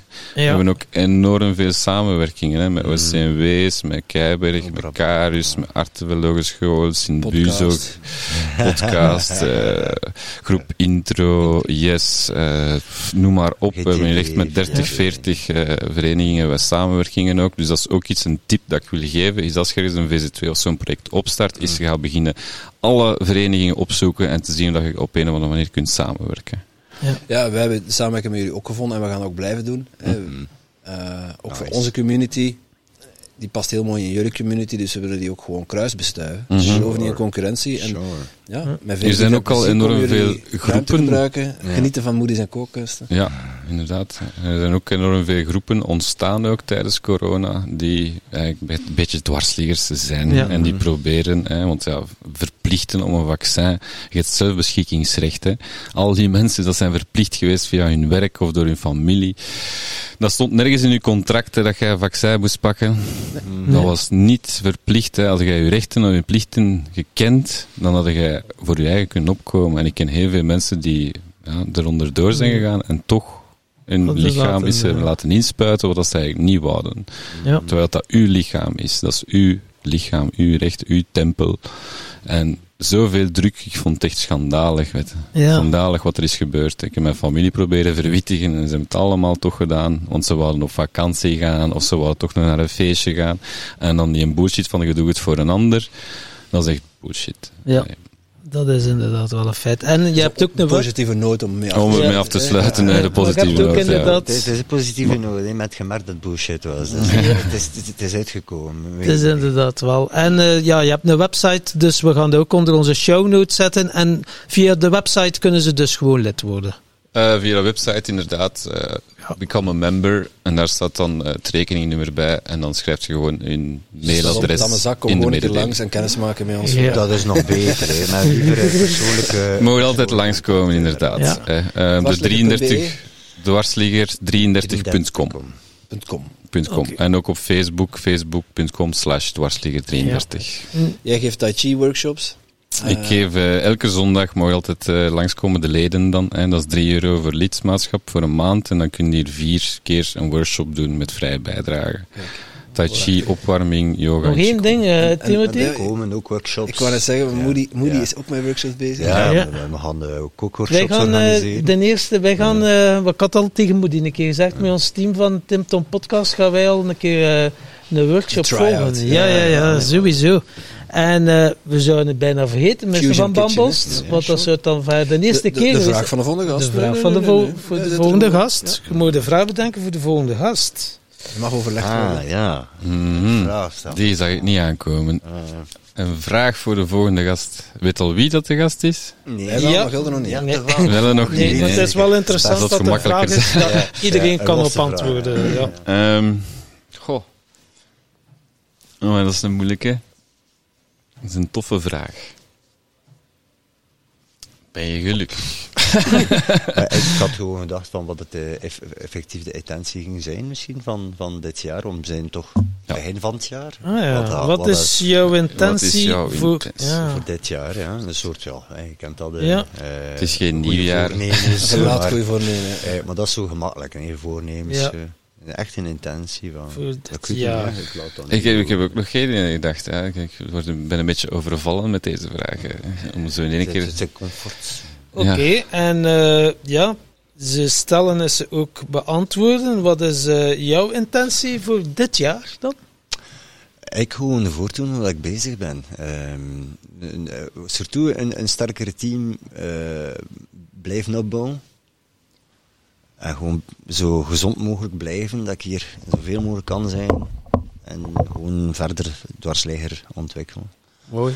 En meer, daarmee ook een beetje meer tijd naar mijn familie en sociaal leven en mijn persoonlijk leven misschien. Een keer ook een beetje plaats geven daarvoor. Dat is dan persoonlijk dan voor mij. Oké, mooi zo. En Joff? Eh, zien dat we hier een team hebben, dat ik gewoon een keer op vakantie kan gaan. Ja, maar, maar dat is echt wel Zien van wat harte gegund, man. eh, achter dat verhaal, eh, wauw. Ja, dan moet jij witte strand, blauwe zee of de bergen of het bos, het maakt allemaal niet uit. eens gebruiken. Dat is reden, hè, ja, ja. ja. En Dan, moet je zelfs geen zwemmer op mee plaatsen. Je kunt er vogels vogelen. Mannen, of Dankjewel. vrienden mag ik zeggen. Ja, Merci. Bedankt Dankjewel. voor eh dit leuke Merci aan jullie. Ja. En jij natuurlijk ook super bedankt om te luisteren naar deze podcast. Voel jij je geïnspireerd? Je zou ons een enorm plezier doen door ons 5 sterren te geven of een review achter te laten in jouw favoriete podcast-app. En wil je geen enkel inspiratiemoment missen? Abonneer je dan op onze podcast of volg ons op social media at TimTom Podcast. Oké, Mooie moet je ook de top.